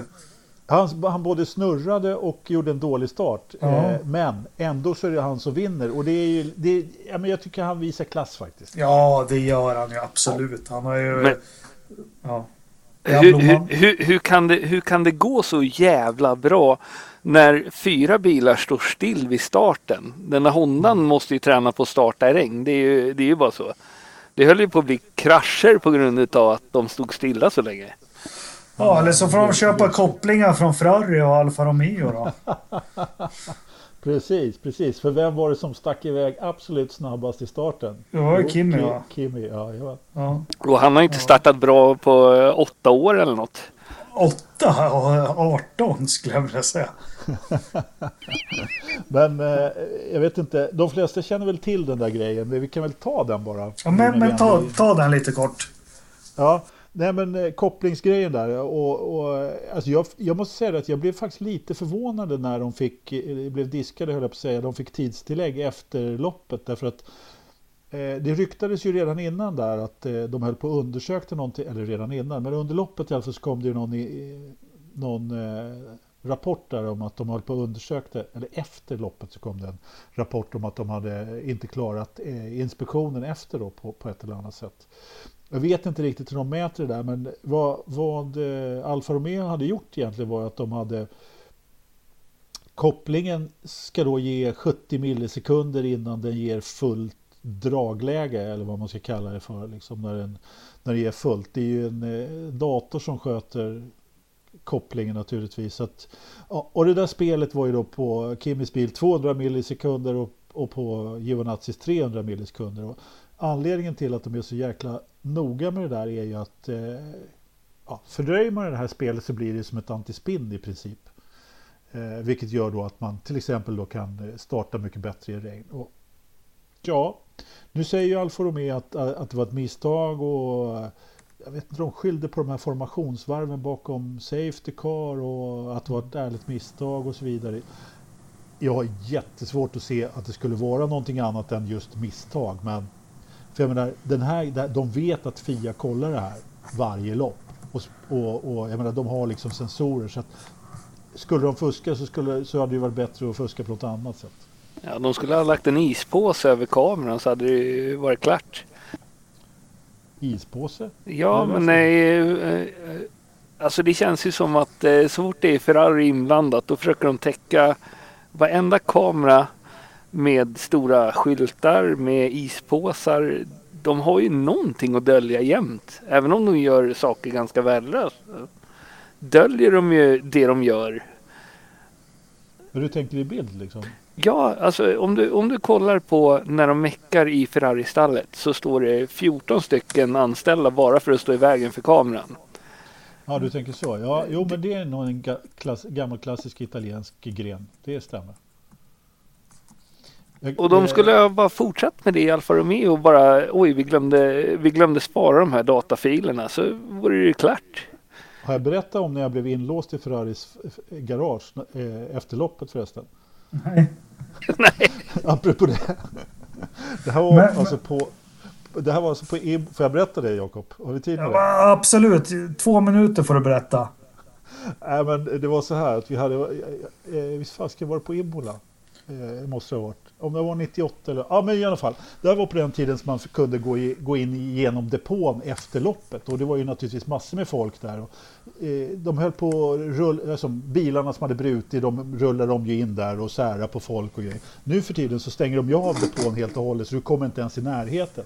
Men i vilket fall som helst så var jag naturligtvis intresserad av att kika lite närmare i Ferraris garage. Så, att, så jag ställer mig ju där och kollar Eh, och försöker kika in lite i garage och det puttas folk till höger och vänster och så kommer Jos Verstappens Arrows förbirullande så då puttar de liksom mig eh, ja, så att jag kanske inte står i garaget.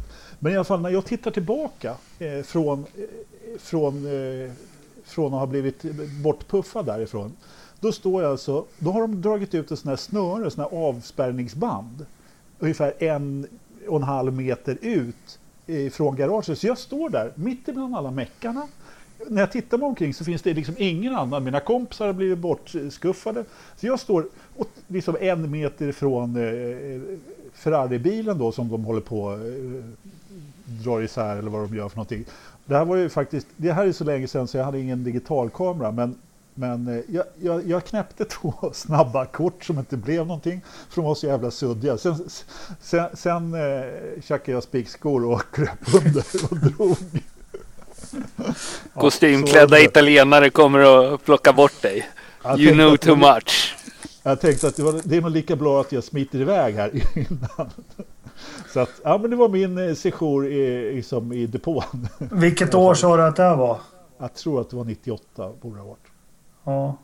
Det var då de fuskade som mest tänkte jag säga. Ja, 2000, vänta. 2000 måste det ha varit. Ja, då fuskar de ännu mer.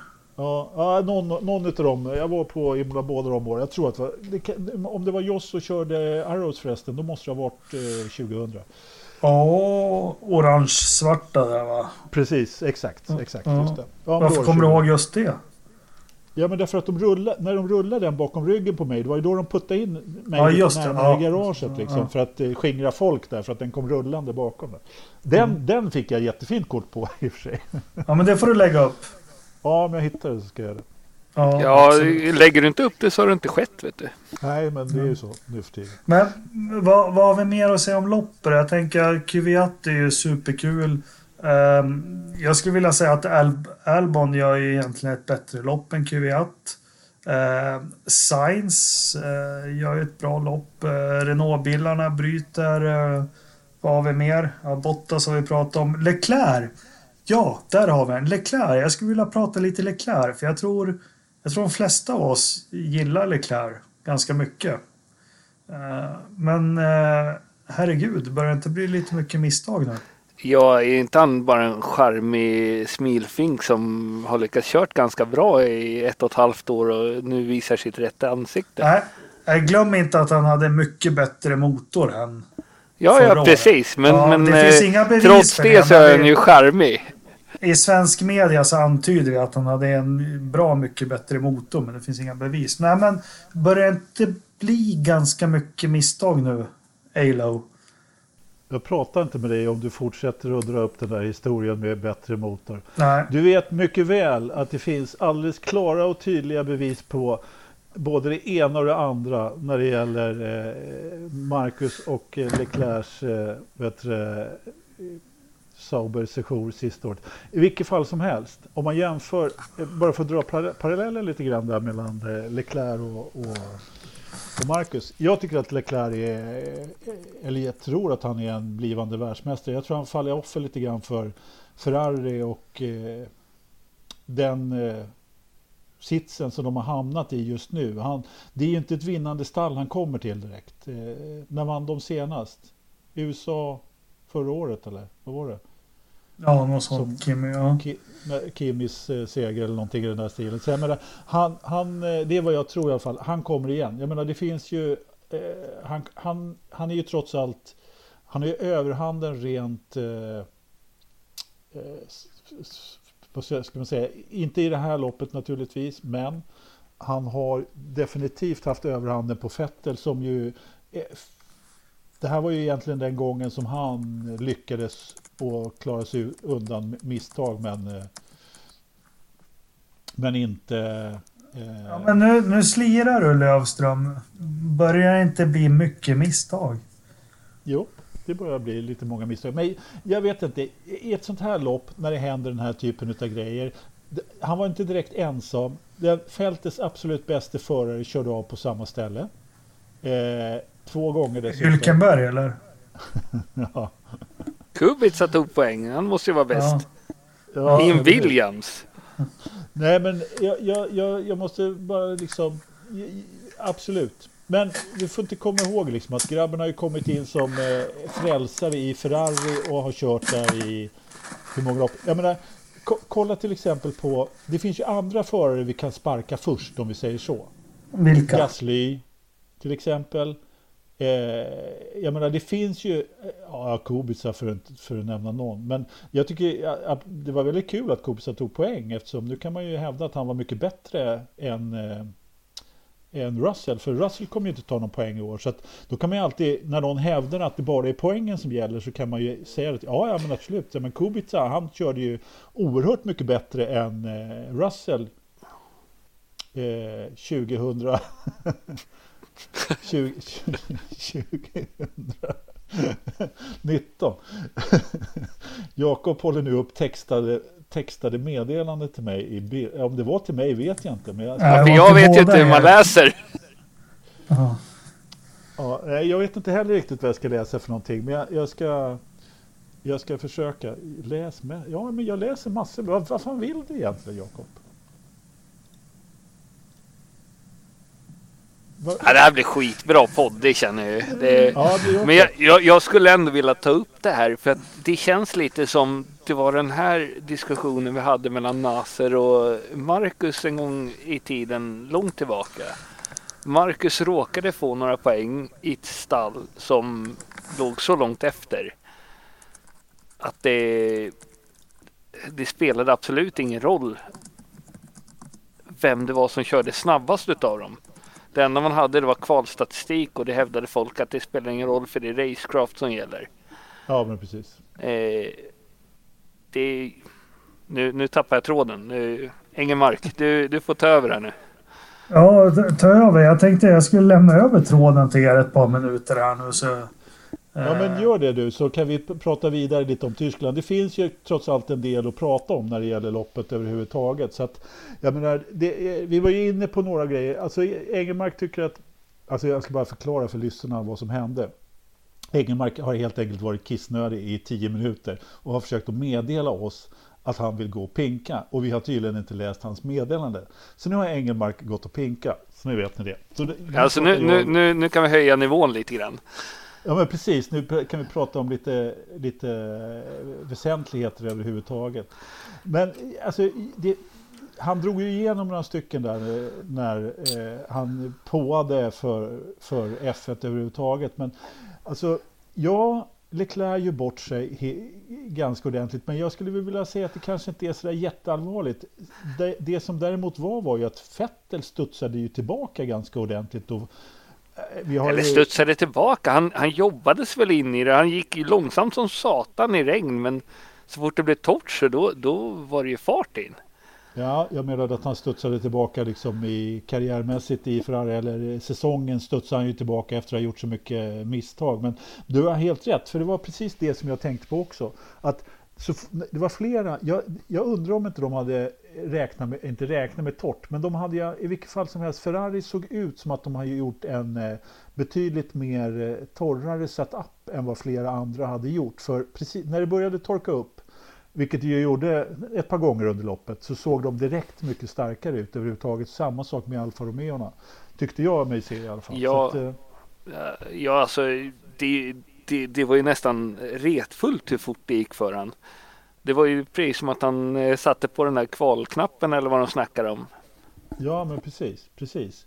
Ja, det var riktigt bra, bra sprutt där. Eh, under, och det var verkligen inte så att han hade den här farten då när det regnade. Men det är ganska intressant att se vilken, vilken, vilken typ av olika fart man kan ha i eh, den här typen av lopp. Och vad det kan göra egentligen. Och det, det, det tycker jag är just det här att när det är upptorkande och när det blir väldigt växlande förhållanden. För det var ju det som gjorde det. Hade det varit bara ett regnlopp, ja, då hade det ju inte varit den här typen. Utan, utan nu var det ju verkligen det här som gjorde att Magnusson lurade in dem att gå in på slicks precis när det började regna igen. Och så helt plötsligt så fick, fick alla gå in och byta till intermediates igen.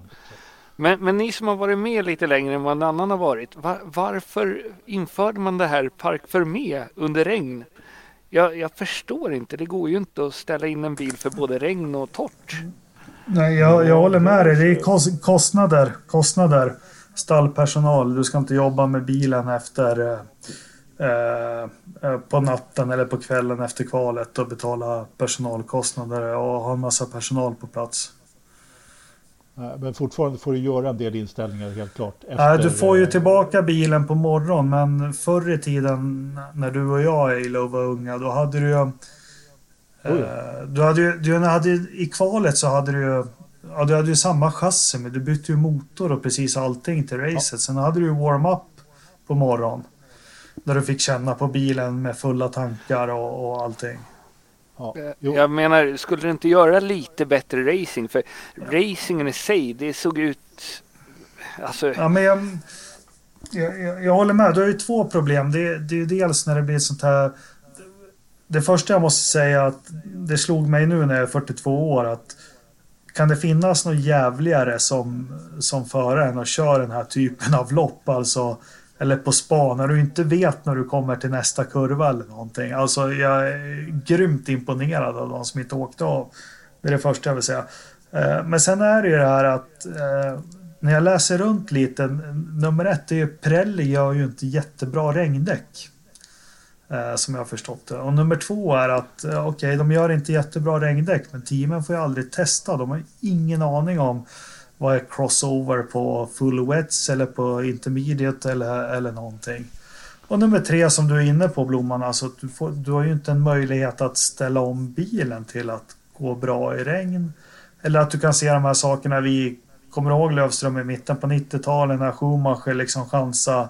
Jag kommer ihåg Barcelona 96 till exempel när det spöregnade och då gjorde han en jättechansning att han, han ställde in sin bil att det kommer vara regna hela, hela, hela loppet och så var han, ja. Chansning och chansning. Alltså ja. under den perioden så var ju Ferrari absolut starkaste regn. Så enkelt var det. De, de hade ju, de kunde ju dessutom testa i regn då eftersom de hade sin testanläggning med Eh, där de kunde köra för, eh, eh, liksom i sprinklers och i hela kittet överhuvudtaget. Så de visste precis vad de skulle göra när det blev blött. Eh, det, det, jag satt ju nämligen och hoppades på regn i stort sett hela Alesis Ferrari-karriär på grund av, på grund av det. Han var, ju, han var ju oslagbar i regn i stort sett. Det var egentligen det... faktiskt bara den ena bilen där. Men, men, och det, det fortsatte ju sen när Schumacher kom. Det... vi, vi, vi tar den där sen om tio minuter. Så, så kan vi rabbla lite regnlopp som han inte vann. Ja, han vann ju aldrig någonting överhuvudtaget. Så det, det, går ganska snabbt faktiskt. Men han var oerhört snabb i regn. Nej men alltså, när du var borta lite grann så pratade vi om Fettel och han lyckades ju ändå studsa tillbaka en del. Och mm. jag, jag, vet inte, den här, han, han, jag tycker det var rätt starkt jobbat att inte köra av eh, av honom. Det var flera andra som, som också gjorde starka lopp, precis som du säger. En är ju bland annat som vi pratade om tidigare, Stroll. Han gjorde ju ett, nu, nu, nu blev ju hans... Eh, hans placering blev ju ett fall av eh, väldigt Stora bollar. Ja men, ja, men väldigt bra ah. depåstrat, depåstrategi. Du, du har som... inte stora bollar när du är 19 år, det vet väl? Jo, men det är Stroll, Stroll har ju det. Alltså det är, Då, han står ju upp. Det är ju... Det har du... Ja. Nej, jag, jag, vet inte. Ja, men jag tyckte ändå på något sätt så måste man ge Stroll det här. Eh, tycker jag. Han gjorde ett bra lopp. Han lyckades eh, hålla, hålla sig kall när det var som värst förhållanden överhuvudtaget. Och detsamma egentligen till eh, Kviat som ju har varit ja, uträknad både här och där. Och jag håller med dig också där Jakob att eh, ja, Albon gjorde ett riktigt, riktigt bra lopp och det var egentligen han som skulle ha stått på pallen. Han har ju gjort väldigt mycket rätt, men Kviat lyckades ändå. Det var han som eh, fixade. Så är det. Men eh, skulle Alonso varit kvar i McLaren skulle han vunnit. Eller hur Blomman? Ja, ja. Alltså, skulle ja. Alonso varit med där så skulle, skulle Stroll ha fått blå flagg. Det är ju... Men, men det, ja. det, spelar ingen större roll. Alltså, det, det jag skulle vilja ta upp i det här loppet som jag, jag fick så ont när, jag tycker ändå på något sätt Gasly gjorde det bra förra året. Alltså Nej, han... men han gjorde ju inte det. Det har ju jo. jag redan synat. Ja, jag vet att du har sagt det. Fast jag, jag tycker ändå att han, hans, han gjorde det strål bra. Eh, han, han, han var där när det behövdes. Mm. I det här loppet så var han långsam i regn. Sladdrig torrt och körde in i en eh, systerkollega. Ja. Alltså, jag skulle inte vilja vara honom på nästa möte. Ja, det är... Eh, precis det jag tänkte när han, när han gick rakt av där ute. När han hade kört bort framving och allting. Precis det tänkte Fan, han ska sitta Och sen gör Marcus... Ja, precis. Och sen gör Marcus likadant. Ja. Nej, men det... Nej, men Gasly där. Nu har ju Red Bull gått ut och sagt att han är klar liksom säsongen ut. Eh, det är väl första gången någonsin Red Bull har, det har stöttat en sopa. oerhört mycket. Ja. Det oerhört, förvånar mig så mycket. Jag menar, nu när de har en kille som kan flytta upp i Red Bull dessutom. Jag menar, ja, med lite erfarenhet ju... av att vara där. Ja, och åka ut dessutom. Så att jag menar, det skulle inte vara några problem. Och det har ju florerat bilder på nätet, rätt många med Helmut Merkel med en telefon i näven liksom. Och bild, bildtexten när, när man ser Kvyat på pallen och eh, vet du, där Gasly gör misstag efter misstag. Så att om jag, eh, av någon märklig anledning så har ju då Gasly någon form av, jag vet inte, hook på Helmut. Jag vet inte vad de har ihop de där. Du kan det är för att han har, han har samma typ av skägg som Hinchcliffe. Eller Hinch. Jag vet inte riktigt om jag kategoriserar det som samma. Nej, inte riktigt lika bra odlat, men... men Nej, jag skulle säga det. Det är snarare som Eilos skägg än som Hinchcliffes. ja, det, ja, det har ni rätt Nej, men, eh, ja, men fan, Gasly. Ja, nej. Eh, stoppa in, ja men om vi ska önska oss något av Formel 1 då, eh, på riktigt. Stoppa in någon annan där. Och stoppa in någon ja. annan i Mercedes-bilen. Ja. Ja, jag, jag, jag har ett par till. Jag, jag skulle vilja ut våran danska skitförare. Han ha, förstör hela jävla Formel 1-cirkusen med sitt... Eh, alltså, hans sätt att köra förstör Alltså de andra förarna har ju lärt sig att det är omöjligt att ligga nära honom. Så att de, de skiter i att göra det. Fast jag måste ge, ge honom lite på något vis eh, fri från skuld. Alltså Grosjean, vad gör han då? Tar han på yttern, svänger in igen? Men han är fransman. Ja, jo, eller han är ju inte det. Han är ju schweizare egentligen. Men ja, nej men.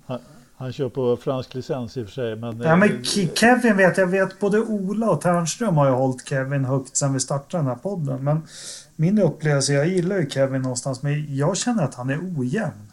Eller så är han eh, jämn, alltså, jämn dålig. Bredvid Grosjean så framstår ju han som eh, stabil och oerhört jämn. Ja, men eh. dåligt stabil då. All tolfte plats. Marcus Stabil. Nej, nej, alltså han, han, är ju, han är ju grymt bra rent resultatmässigt mot vad han har kört för någonting. Vad han har suttit i för bilar. Alltså jag menar, som han presterade i Renault. Alltså han har ju suttit extremt många olika bilar och presterat bra. Jag tycker inte om hans sätt att vara, hans sätt att snacka, hans sätt att köra på banan. Jag hatar att se honom starta varje lopp det stör mig att han får vara där. Men han är bara en vanlig dansk. Du måste, börja göra, du, måste, du måste lära dig att göra affärer med danskar. Då, det är liksom, det har jag fått lära mig. att Han är, han är bara en vanlig dansk. Arrogant. ja, alltså är det någon som Nej, nu blir jag illa orolig nu för hans arbetsgivare har ju blivit uppköpt här av ett... Jag, jag är aldrig orolig. Uh, uh. Nej. Förutom när du eh, börjar härja. Nej, nej men Kevin var, ja.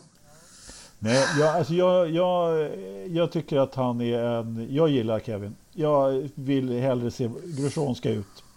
Annars får det vara överhuvudtaget. Ja, Grosjean har fan, han har, det tar emot för mig för jag gillar ju losers men han, han har faktiskt gjort sitt nu.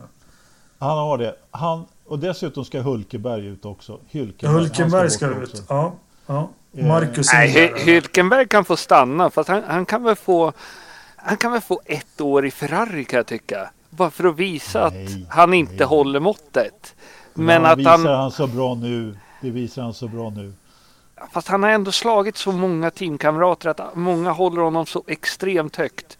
Jag skulle Fast vilja... vilka han slagit då? Den enda han slagit det är Gutierrez.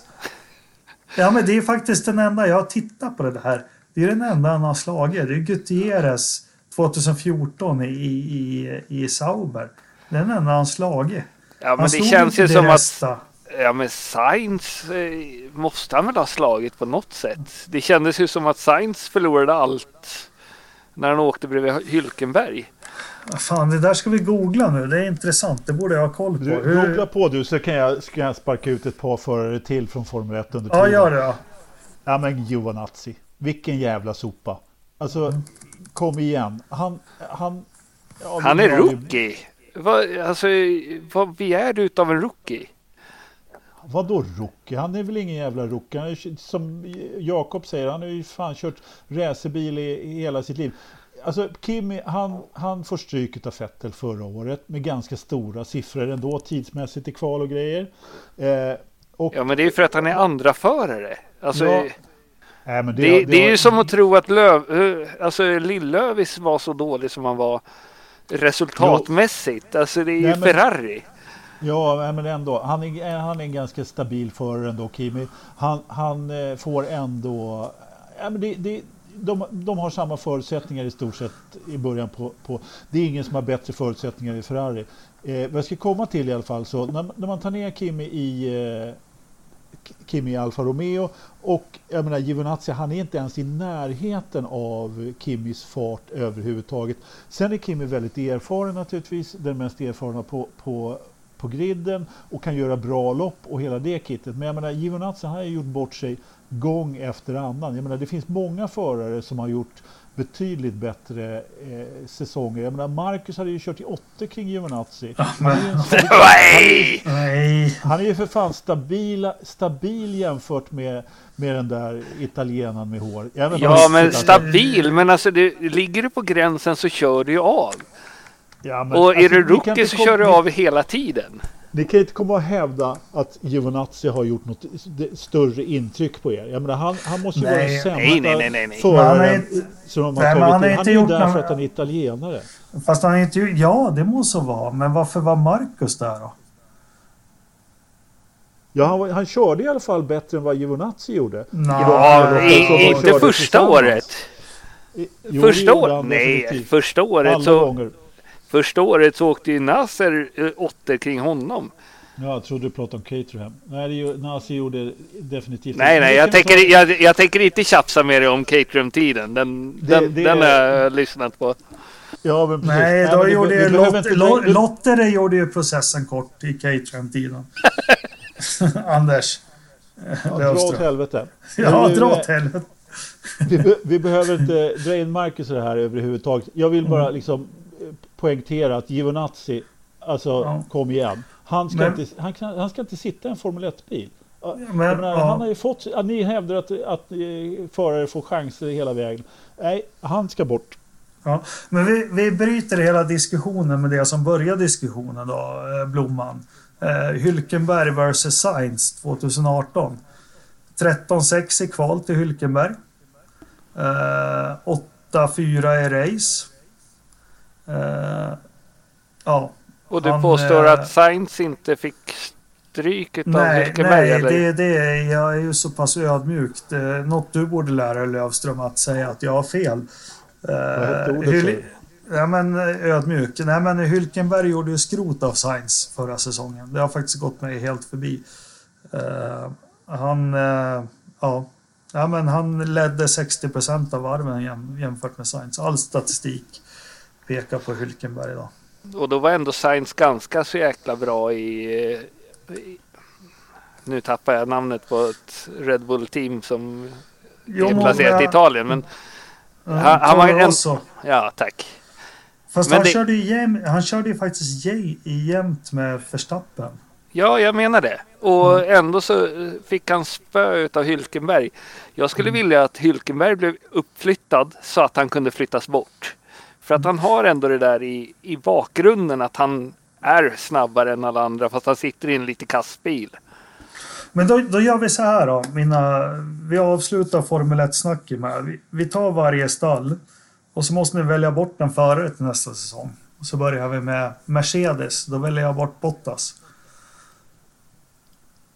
Nej, Jag väljer ju bort Hamilton bara för att Bottas ska få visa vad han går för. Nej, men det är ju självklart. Eh, Bottas ska bort. Ja, Ferrari, då tar jag faktiskt bort Vettel. Vettel. Vettel. Red Bull tar jag bort Gasly, solklart. Ja men den nästa. Du behöver inte ens fråga. Gasly är bort. Mm. Då kommer vi till något jävligt svårt nu. McLaren.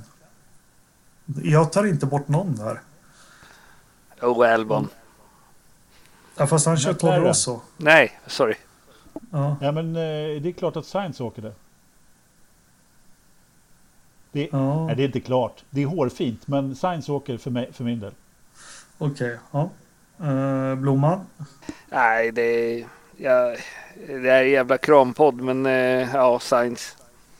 Okej. Eh, Renault Ja, du, tar jag bort till. Ja. Nej, jag kan inte ta... Nej, ja. Renault tar jag bort Hylkenberg. Nej, men förlåt. Jag skulle säga McLaren. Du måste. Ta bort en av dem. Norris eller Sainz. Eh, jag, jag, tar bort, jag tar bort Husky. Okej. Okay. Ja, mm. Nej, men ta Renault då. Eh, Renault tar jag bort Hylkenberg. Jag också. Ja, men det är klart att Hylkenberg ska bort där. Mm. Men, men jag tycker att han ska bort, inte för att, han kan inte försvinna nu för då kommer han vara obesegrad förutom mot Ricardo. Jag tror att Ricardo är en blivande VM-mästare. Så att jag, jag flyttar honom till jag, jag, flyttar honom till Racing eh, Point. Mm. Ja, ja. ja, men vem tar vi bort från Racing Point då? Jag tar ju bort Stroll. Nej, Landon Norris ska ju bort där. Alltså den, den ra, Racing Racing Point. Sorry, Paris ska ju bort. Paris. Sorry. Eh, nej, men den där är faktiskt lite svår. Därför att Paris, han har ju faktiskt gjort, han har inte gjort så bra ifrån sig. Ja, han har ju också börjat göra misstag och jag har aldrig gillat Perez överhuvudtaget. Nej, jag inte jag heller. Ja, ja, jag tar också bort Perez då. Blomman? Ja, men jag sa ju det. Det är Perez som ska bort där. Ja. Helt otroligt. Eh, Alla tre tycker att Perez ska bort ur Racingport. Ah, ja, Toro Rosso. Toro Rosso tar jag bort Kvyat. Varför ja. då? Det gör jag med. Ja, men Albon har ja, mer framtid. Ja men Elbon får ju storstryket av en gammal torped. Hur, hur fan tänker ni där? Nej, jag tar bort den för han är ryss. Ja, det, det, är ett alternativ i och för sig. Mm. Nej, men han, storstryk vet jag inte om jag kan hålla med om. Albon har gjort en riktigt bra säsong. Han har, eh, eller en, en bra rookie-säsong, helt klart. Han har framtiden för sig, helt klart. Just därför så väljer jag också honom. Men han ser konstig ja. ut. Ja, det, fast det gör ju QV1 också. Han ser, han ser ut som mig. Ja, nej, han ser jättelust ut. Och så han, han är lite som Beavis and Butthead på något vis. Um, Okej, okay, vad har vi kvar då? Vi har uh, Sauber, Alfa Romeo tar vi bort Giovinazzi. Jag behöver inte ens fråga er. Uh, så har vi Williams måste jag tyvärr ta bort uh, Def Leppard-trummisen där, Kubica. Ja, så är det ju. Han åker. Mm. Oh. Så avslutar jag med Haas. Då tar jag bort Grosjean. Jag med. Nej, om jag måste välja Magnusen, men båda. Båda. Då har vi alltså tio platser att fylla. Då har vi nästa poddavsnitt. Vilka vi vi fyller på. Jag vet ju Lövström, han kommer ju Giovinazzi ut och Mackan in, kommer han säga direkt här. nu. Vilket Faktiskt upplägg. inte. Ja. Jag har många andra bra, många andra bra förare som eh, kan komma in definitivt. Men det där, är, det där är faktiskt en bra... Det, det där är ett bra underlag för podd här. När det, nu är ju sommaruppehåll och grejer. Nu kan vi peta ja. in tio nya förare där. Engelmark, du glömmer ju att han följer ju 15 andra serier som man kan plocka folk från. Så att ja, Halo har ju inga det. problem. Nej, men, men, men, han, han hittar någon i DTM eller F, F4 i Moldavien eller något sånt. Nej men vad fan, det var ju en fransman som körde i, i det var ju Blancpain 24 timmars på spa i helgen. Det var ju fantastiskt lopp. Vad hette han då? Jag har till och med glömt namnet på Kevin eh, Ergoné eller något sånt där. En förare som jag knappt hört talas om faktiskt. Det är säkert många andra som tittar på mycket sportfansracing som har hört talas om honom. Han ledde där en stund i alla fall. Körde fantastiskt bra. Och, ja, det var riktigt skojlopp. Du såg väl all, alla 20 nej men, nu, nu, nu kommer vi, nej, men nu kommer vi till något annat Lövström. Jag vet ju att eh, du har ju en fru. Det händer, ja. Ja, du har ju ungefär en, vad har du, en 7, 8, 9, 10, 12 ungar. Ja, fyra, men annars. Fyra, du har en katt. Ja, som heter Norris. Ja, du har ett hus du måste renovera. Ja. Du har ett respektabelt jobb. Nej. Du har en podd. Ja, det har jag. Den är respektabel. Hur fan får du ihop och titta på allt skit? Ja, det kan man fråga. Vadå skit? Det var ju 24 timmar. Nej, inte skit. Nu ska jag inte håna dig, men du, du, du hinner ju verkligen se allt. Ja, men så här är det. Faktum är att min fru, hon är världens, mest, eh, världens bästa när det gäller motorsport. Hon, hon börjar gnälla. Eh, alltså Formel 1, det är inga problem. Indycar det är ju söndagskvällarna så där kan det vara lite problem. Men sen menar, på, på dagarna så hinner man ju göra mycket annat också. Alltså, nu för tiden så kan man ju bära med sig saker och ting och kolla samtidigt och hela det. Och jag menar, sen, sen eh, ja, jag vet fan inte hur jag hinner med faktiskt. Ja, men till alla lyssnare, när hann du producera barnen? ja,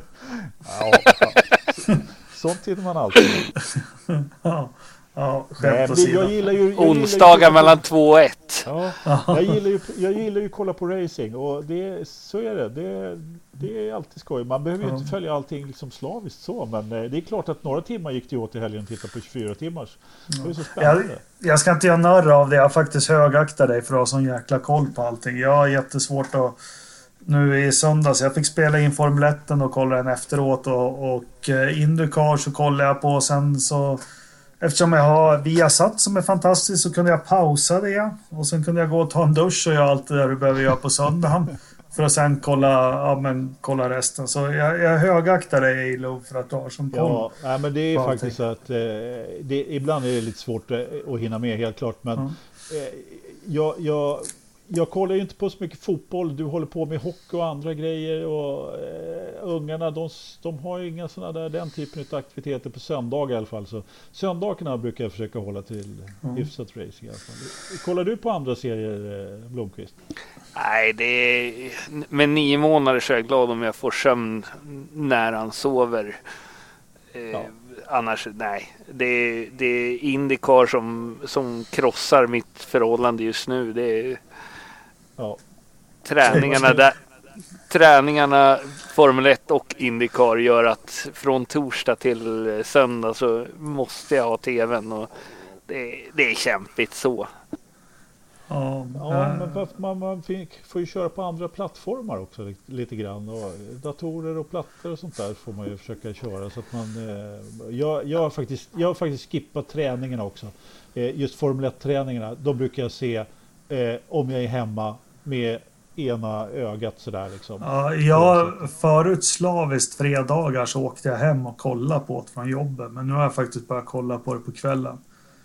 Ja, fredagar... Jag alltid, ja, jag letade ja. alltid lunchrestaurang som hade Eurosport så att man kunde sitta och kolla ja, på lunch. Men fredagarna är ju inte intressanta med det här formatet Nej. som det var på 90-talet. Alltså, Nej, då var det ju körde... ja, Fast det är de ändå... Det är ändå, om du, om du kollar statistiskt så är det ändå du vet vilka som kan dra på och inte och du kan få, förhåll, du kan få en bild över hur de olika bilarna går på banan. Jag, Absolut. Absolut. Ja, men ja. Det, men, jo, ja. det är, viss betydelse har det, men inte på... Jag, jag håller med där lite på... Liksom på samma, vi, alltså de kör ju sina tester fram och tillbaka, men jag, jag tycker på något sätt att det är ointressant. Det mm. kan man ändå få reda på liksom på annat sätt. Eh, på det, så. Ja, jag, tycker att det är fruktansvärt att Viasat kan bara hoppa träningarna. Jag var ju tvungen att följa Riddarstolpers eh, Facebook-tråd för att, för att få se träningarna. Så nu har jag mm. köpt teknik för hur mycket pengar som helst och bara för att kunna se träningarna. Ja, men jag, jag håller med dig. Jag skulle önska att de körde faktiskt träningarna på Indycar som de gör i Formel 1 också till nästa år. Ja, de talar mer om det än vad Formel 1 gör, speciellt när man inte är så kunnig om själva serien i sig. Mm. Då vill man ha en bild över vilka som är snabba och... Jag håller med dig fullt, fullt ut där. Det skulle vara... Ja, men på Indycar, så var, var eh, ser du dem då? Eh, MB, NBC sänder dem. Ja just det, deras playtjänst säljer ju för bövelen. Ja. Ja. Ja.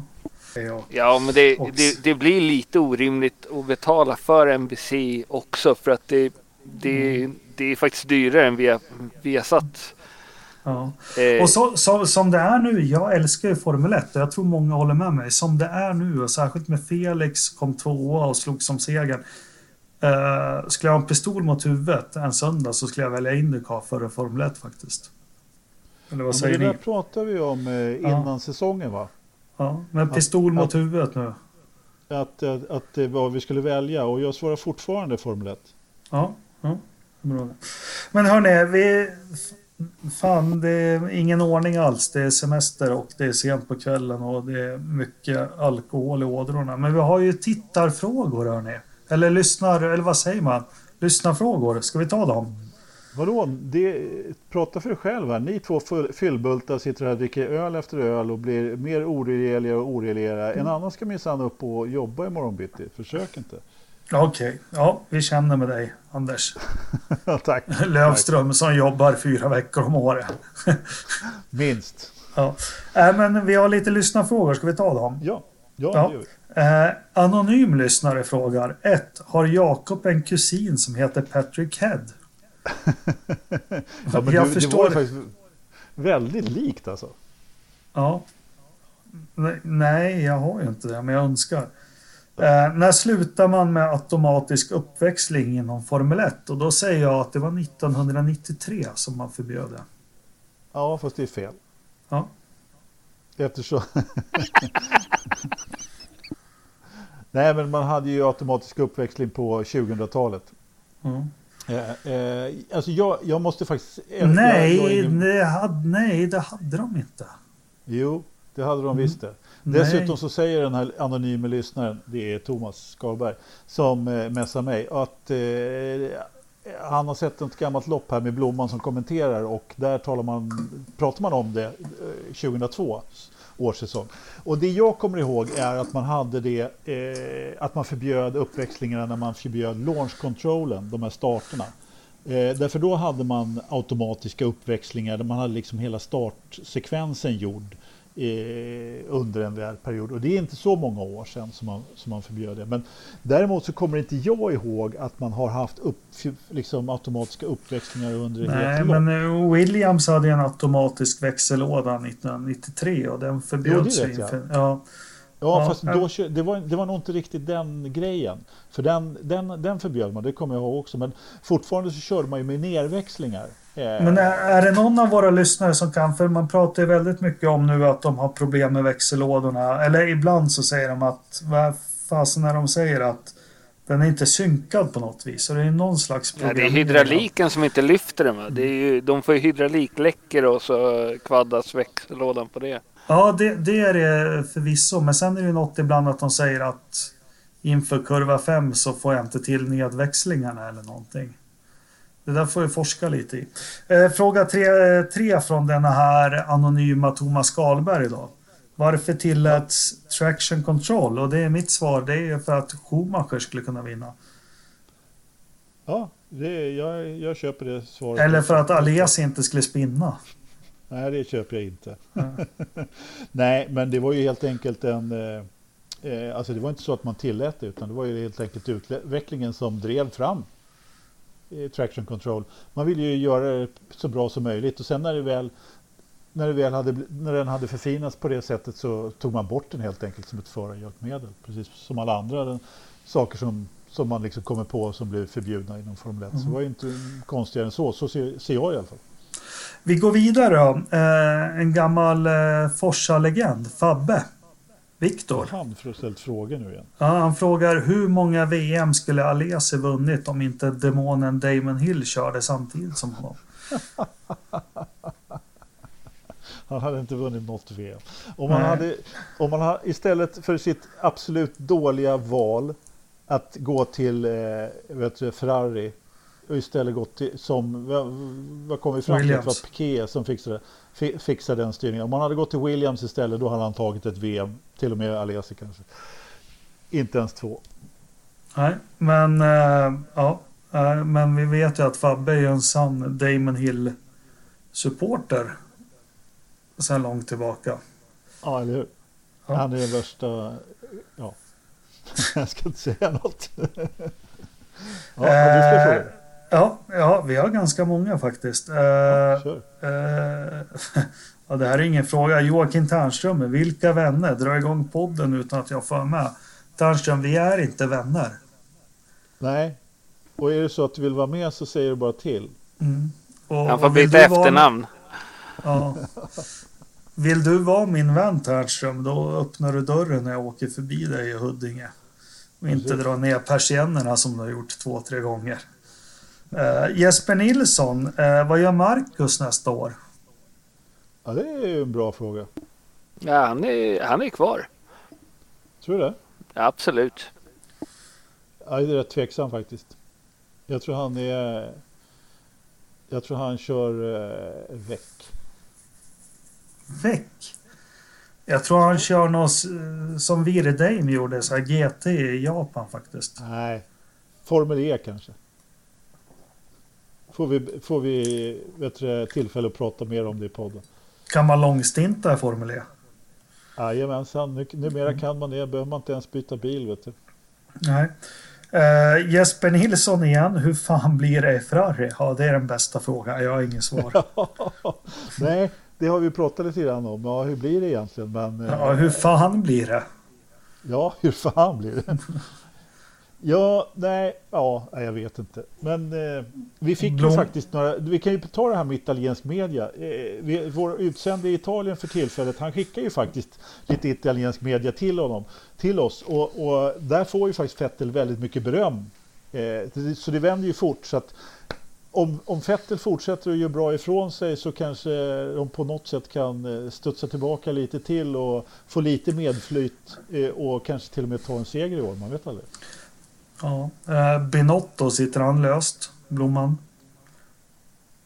Ja, är, han har väl alltid suttit löst, men han, han sitter ju som på nålar så att eh, han sitter väl kvar.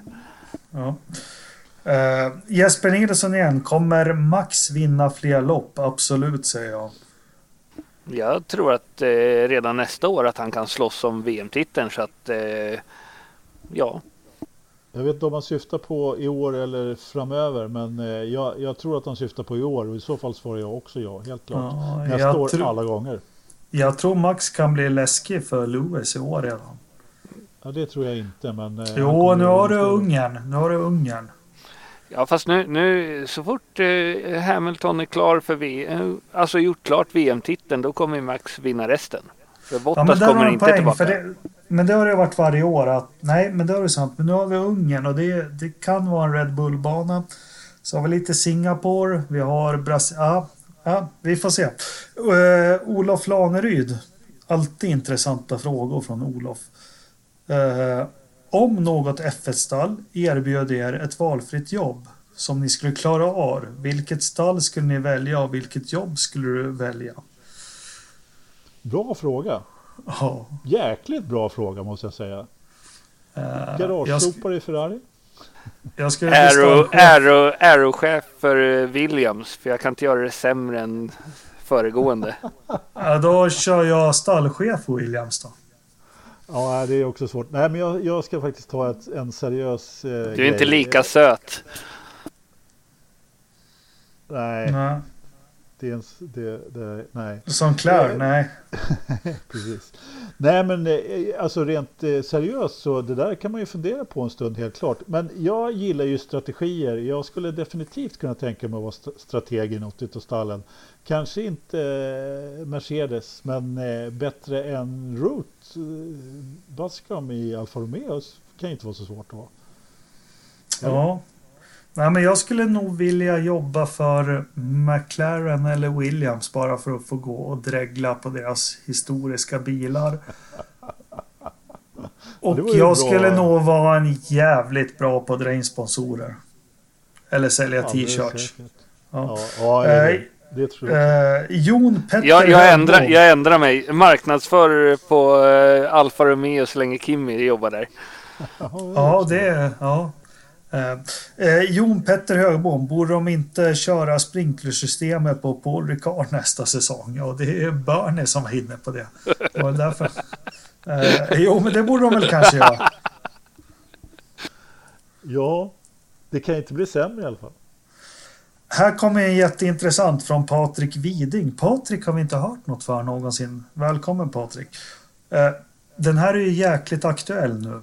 Eh, så nu ska vi försöka vara lite seriösa. Eh, om Hörta går till McLaren SPM, alltså Smith Peterson Motor Racing. Precis. Och kör med Hinch, vad gör med Marcus Eriksson då? Den här är ju faktiskt, den här är ju sjukt spännande faktiskt. Ja, men det kom ju lite, lite information idag där om eh, att de håller på. Alltså för det första så kommer inte Honda tillåta att de eh, kör McLaren eh, SPM eh, förrän om två år då när ett eventuellt Honda-kontrakt har gått ut med, med eh, SPM. Om man inte bryter det då på ett eller annat sätt då ordnar skeva motorer eller om någon annan tillverkare kommer in. Men eh, jag har ju redan sagt att jag tror att Marcus inte kör kvar så att eh, jag tror att eh, han eventuellt kommer att få flytta på sig. Det var ju en annan gammal bekanting som testkörde lite kart här idag va? Eh, vi spelar in det här på tisdagen den här veckan. En viss gammal kompis till, eh, till Marcus. Filippe Naser. Va? Ja, Ja. fast vad ska, vad ska de med honom till? Det kan man verkligen fråga sig. Men- Han blev ju sönderåkt av Marcus redan i Formel 1 några säsonger. Så. Ja, jag Ja, menar han det. blev riktigt jävla slutkörd av Marcus. Jajamensan. fan, Marcus åkte åttor om Nasser. Eh, Ja. men det här är ju intressant. Jag som är konspiratorisk, alltså McLaren, SPM, eh, Alonso. Mm. Ja, men det är Ja. klart att Honda vill ha tillbaka Alonso. Alltså alla älskar Alonso. Ja. Och eh, Honda har ingenting emot Alonso, det har han sagt själv. Nej. Nej, det tror inte jag heller. Det Eh. kommer aldrig att ske att eh, han kom, de kommer aldrig att medverka. Jag vet inte hur mycket ni skojar nu, men det, det kommer aldrig att ske att de tar in, att de förknippas med honom igen. Det, det, Ja. Men de kanske... Nej, eh, lite McLaren allvarligt. S- SPM kör med Toyota-motorer nästa år. då. ja, men det är det som kan hända. De har kontrakt med Honda nästa år också, bara så, så, så vi vet. Men eh, det, det, Ja, du, vi har det kontraktet är ju jättemycket... till att by, brytas. Ja. Det bara rasar in frågor på riktigt. Alltså, eh, vilket stall, eh, Johan Sahlström, vilket stall, team eller motortillverkare kommer att hugga Noda? Och det blir Honda såklart. Ja, det tror jag också. Ja. Det är hon vi det. 13-åringen som har vunnit en massa, eh, eller en massa, men som, som har en väldigt lovande framtid i alla fall. Fredrik Jonasson, vem ryker och vem blir kvar i Haas? Och det är Grosjean som ryker. Ja, det har vi pratat om. Jörgen Kindblad, eh, säkert en fråga som behandlats tidigare, men vilka grupper, låtar är intro till avslutningsmusik? Tack för en bra podd. Tack så mycket Jörgen, tack för att du tycker om vår podd. Och det är jättemånga som frågar vad vi har för intromusik och det är faktiskt vår eh, panel eh, eller poddmedverkare Joakim Ternström som har han har faktiskt en ganska, eh, hans bakgrund inom musik, han var med i ett jättekänt band på 80-talet som heter Nomads. Som faktiskt turnerar fort, fortfarande, men det är hans nya projekt som heter Aska som, eh, som vi har som eh, intro och avslutningsmusik. Så eh, sök på, Spotify. Precis, ligger på Spotify så att det är bara att ly- lyssna där. Vi har, Och det vi har här är lagt ju- ut länkarna på forumet också. Så att, Vi gör det igen, men det är faktiskt ganska otroligt för det är jättemånga som tycker att intromusiken är superbra. Fast den, den Eh. blir först bra efter 20-30 gånger sådär. Så att det, det är först era Ja. trogna lyssnare som tycker att den är bra. Ja, fast det är faktiskt väldigt många som frågar. Eh, och, ja, men eh. Aska på Spotify och Ternström spelar bas i det bandet och hävdar att han som sjunger är den bästa eh, sångaren han haft med någonsin. Eh, och det är några kommentarer på det att det är Aska och Jörgen säger oj vad jag har sökt efter det, tack så mycket. Jesper Nilsson säger att de är riktigt bra. Jättekul. Fredrik eh, Stertman frågar, hänger Hamilton löst efter katastrofracet? Kan ME ersätta honom nu eftersom han blir av med styrningen hos SPM? Ja, jo, med tanke på att Blomman alltid hävdade att Marcus skulle vinna lopp i Mercedes, så ja, det, absolut. Eh, Lars Mossberg eh, har svarat på det. Eh, eh, sen är det lite mer diskussioner om det. Eh, mycket diskussioner om det. Eh, Mikael. Wester. Ja. Hur fungerar det med reklam och livery på bilarna i Indy? Säljs det race för race eller får en huvudsponsor till exempel NTT Data ett visst antal race och resterande bjuds ut till andra? Och har då NTT något att säga till om vilka de andra sponsorerna är? Och det här tror jag är för att Marcus byter livery ganska ofta. Hur ligger det till där? Felix. Felix. Felix, ja. Ja, men eh, hänvisa till Viasats försnack innan Indycaret. Där gick han ju igenom eh, varför de bytte livery och, och så vidare. De var ju på det, De var ju på deras industri där. Ja, men eh, berättade han verkligen varför de gjorde det? De, han sa att de gjorde det ofta, men han, han talade inte någonting om det affärsmässiga där, vad jag hörde i alla fall. Men Ja, men Ja, att, eh, att eh, han påpekade att de, de sålde ju livery för säsong, race och även mm. när, när, när vissa sponsorer drog in andra sponsorer så kunde de byta även under säsongen. Ja. Okej, okay, det var, okay. Eh, eh, ja men det är bra. Det var ju en del utav det i alla fall. För, därför att min, jag vet inte, jag skrev där i någon tråd också innan och jag kan tänka mig att det är just så här att det kanske inte är så att en huvudsponsor köper precis hela säsongen och att man då öppnar upp för att om det är så så vill vi sälja eh, de här helgerna. Och det kan ju också vara så att stallet på något sätt friskriver sig för en viss helg, till exempel Indy 500. Då. Att, mm. Eh, Men här har vi skillnaden också. Det har Indycar så länge jag har följt det sedan 90-talet. De är alltid... Du är ett stall med två bilar men eh, om vi säger som i Felix stall så är det number 9 car och number 10 car. Det är liksom... Det känns som ja, ibland så på det sättet är det olika stall. Eh, vi fortsätter med... Får jag lägga in en eh, fråga där? Får de verkligen bara absolut. ha två bilar? Nej, nej, nej. De får ha tre, nej, fyra, fem. Ja. ja får många... I varje lopp, inte bara Indycar? Nej, varje lopp. Okej. Okay. Eh, Tommy Törnqvist, när kommer Gasly och Kvyat byta sits? Kommer Hylkenberg någonsin nå en pallplats? Är det sista året för press? Och det här har vi gått igenom. Det kan ja. vara sista året för press. Hylkenberg kommer aldrig nå pallen. Eh, Gasly och Kvyat kommer nog aldrig byta plats. Nej, jag tror inte heller det. Johan Sahlström, kommer Renault vilja fortsätta satsa på team som inte levererar med syfte på att franska staten äger delar av Renault? Och den här skulle jag vilja passa till Ternström nästa vecka faktiskt. Ja, men det kan vi göra. Men vi, vi kan ju också hänvisa till den podden som vi spelade in eh, som inte jag var med i.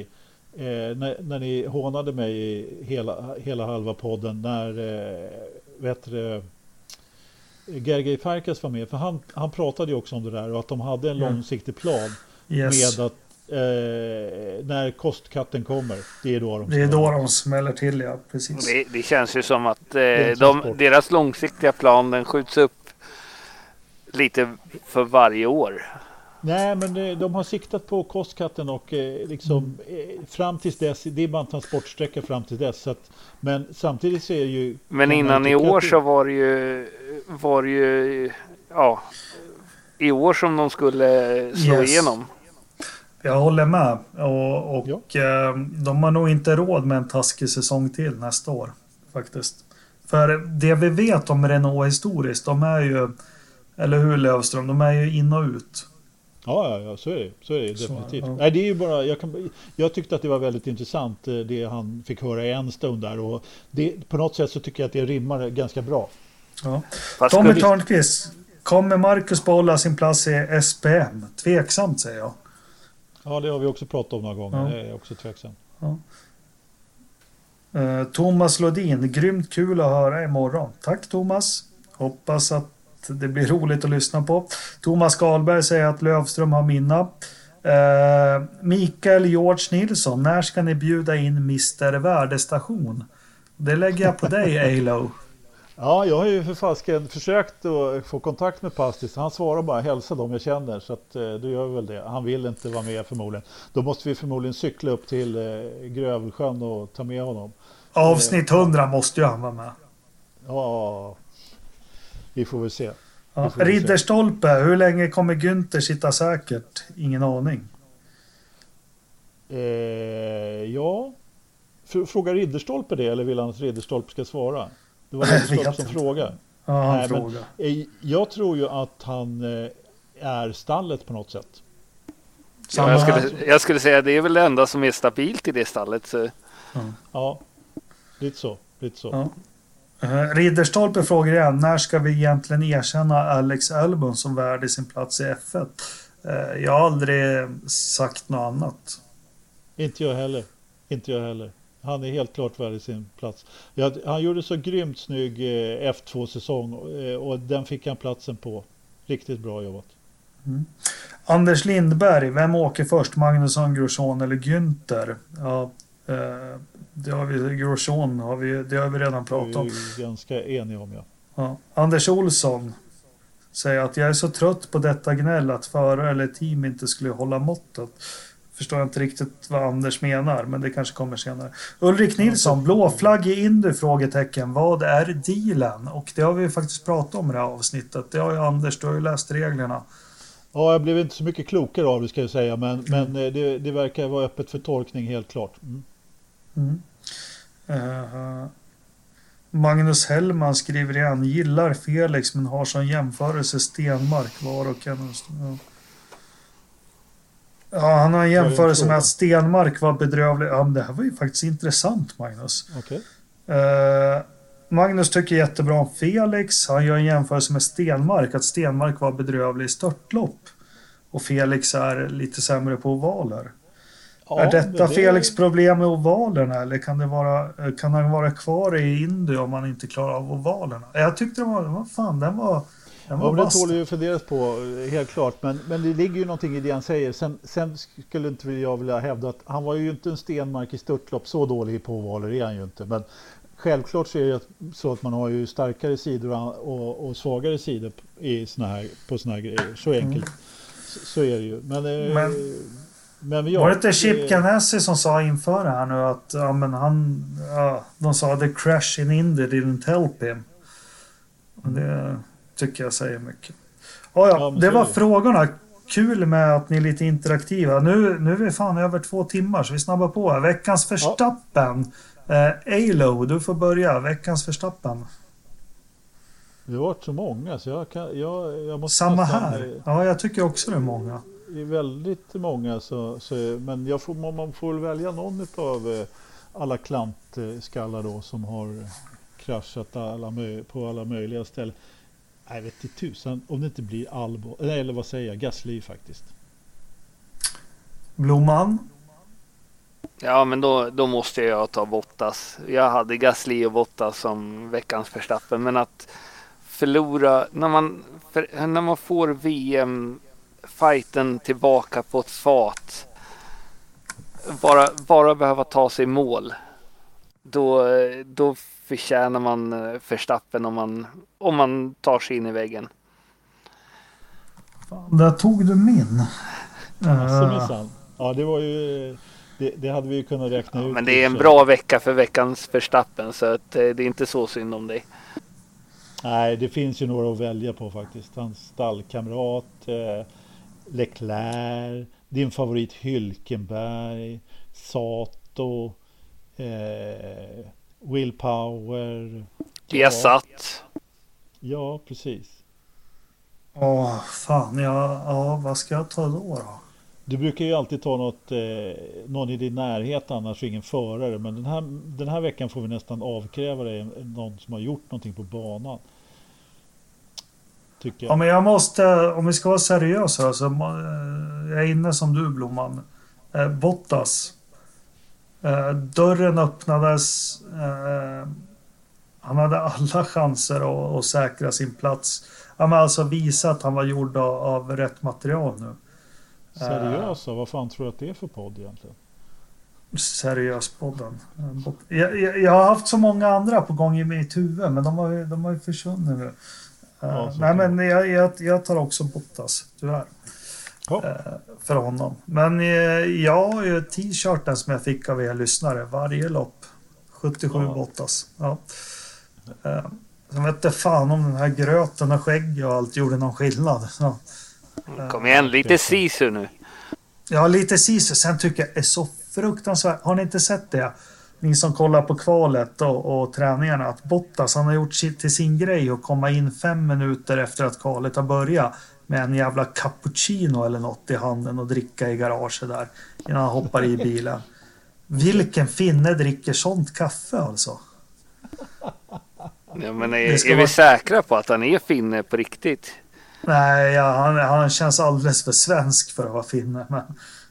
Det är någon svensk brevbärare som har varit där. Vet du. Ja, jag tror inte, också Nu ska vi inte gå till ytterligheter här. Möjligtvis Norrbagge.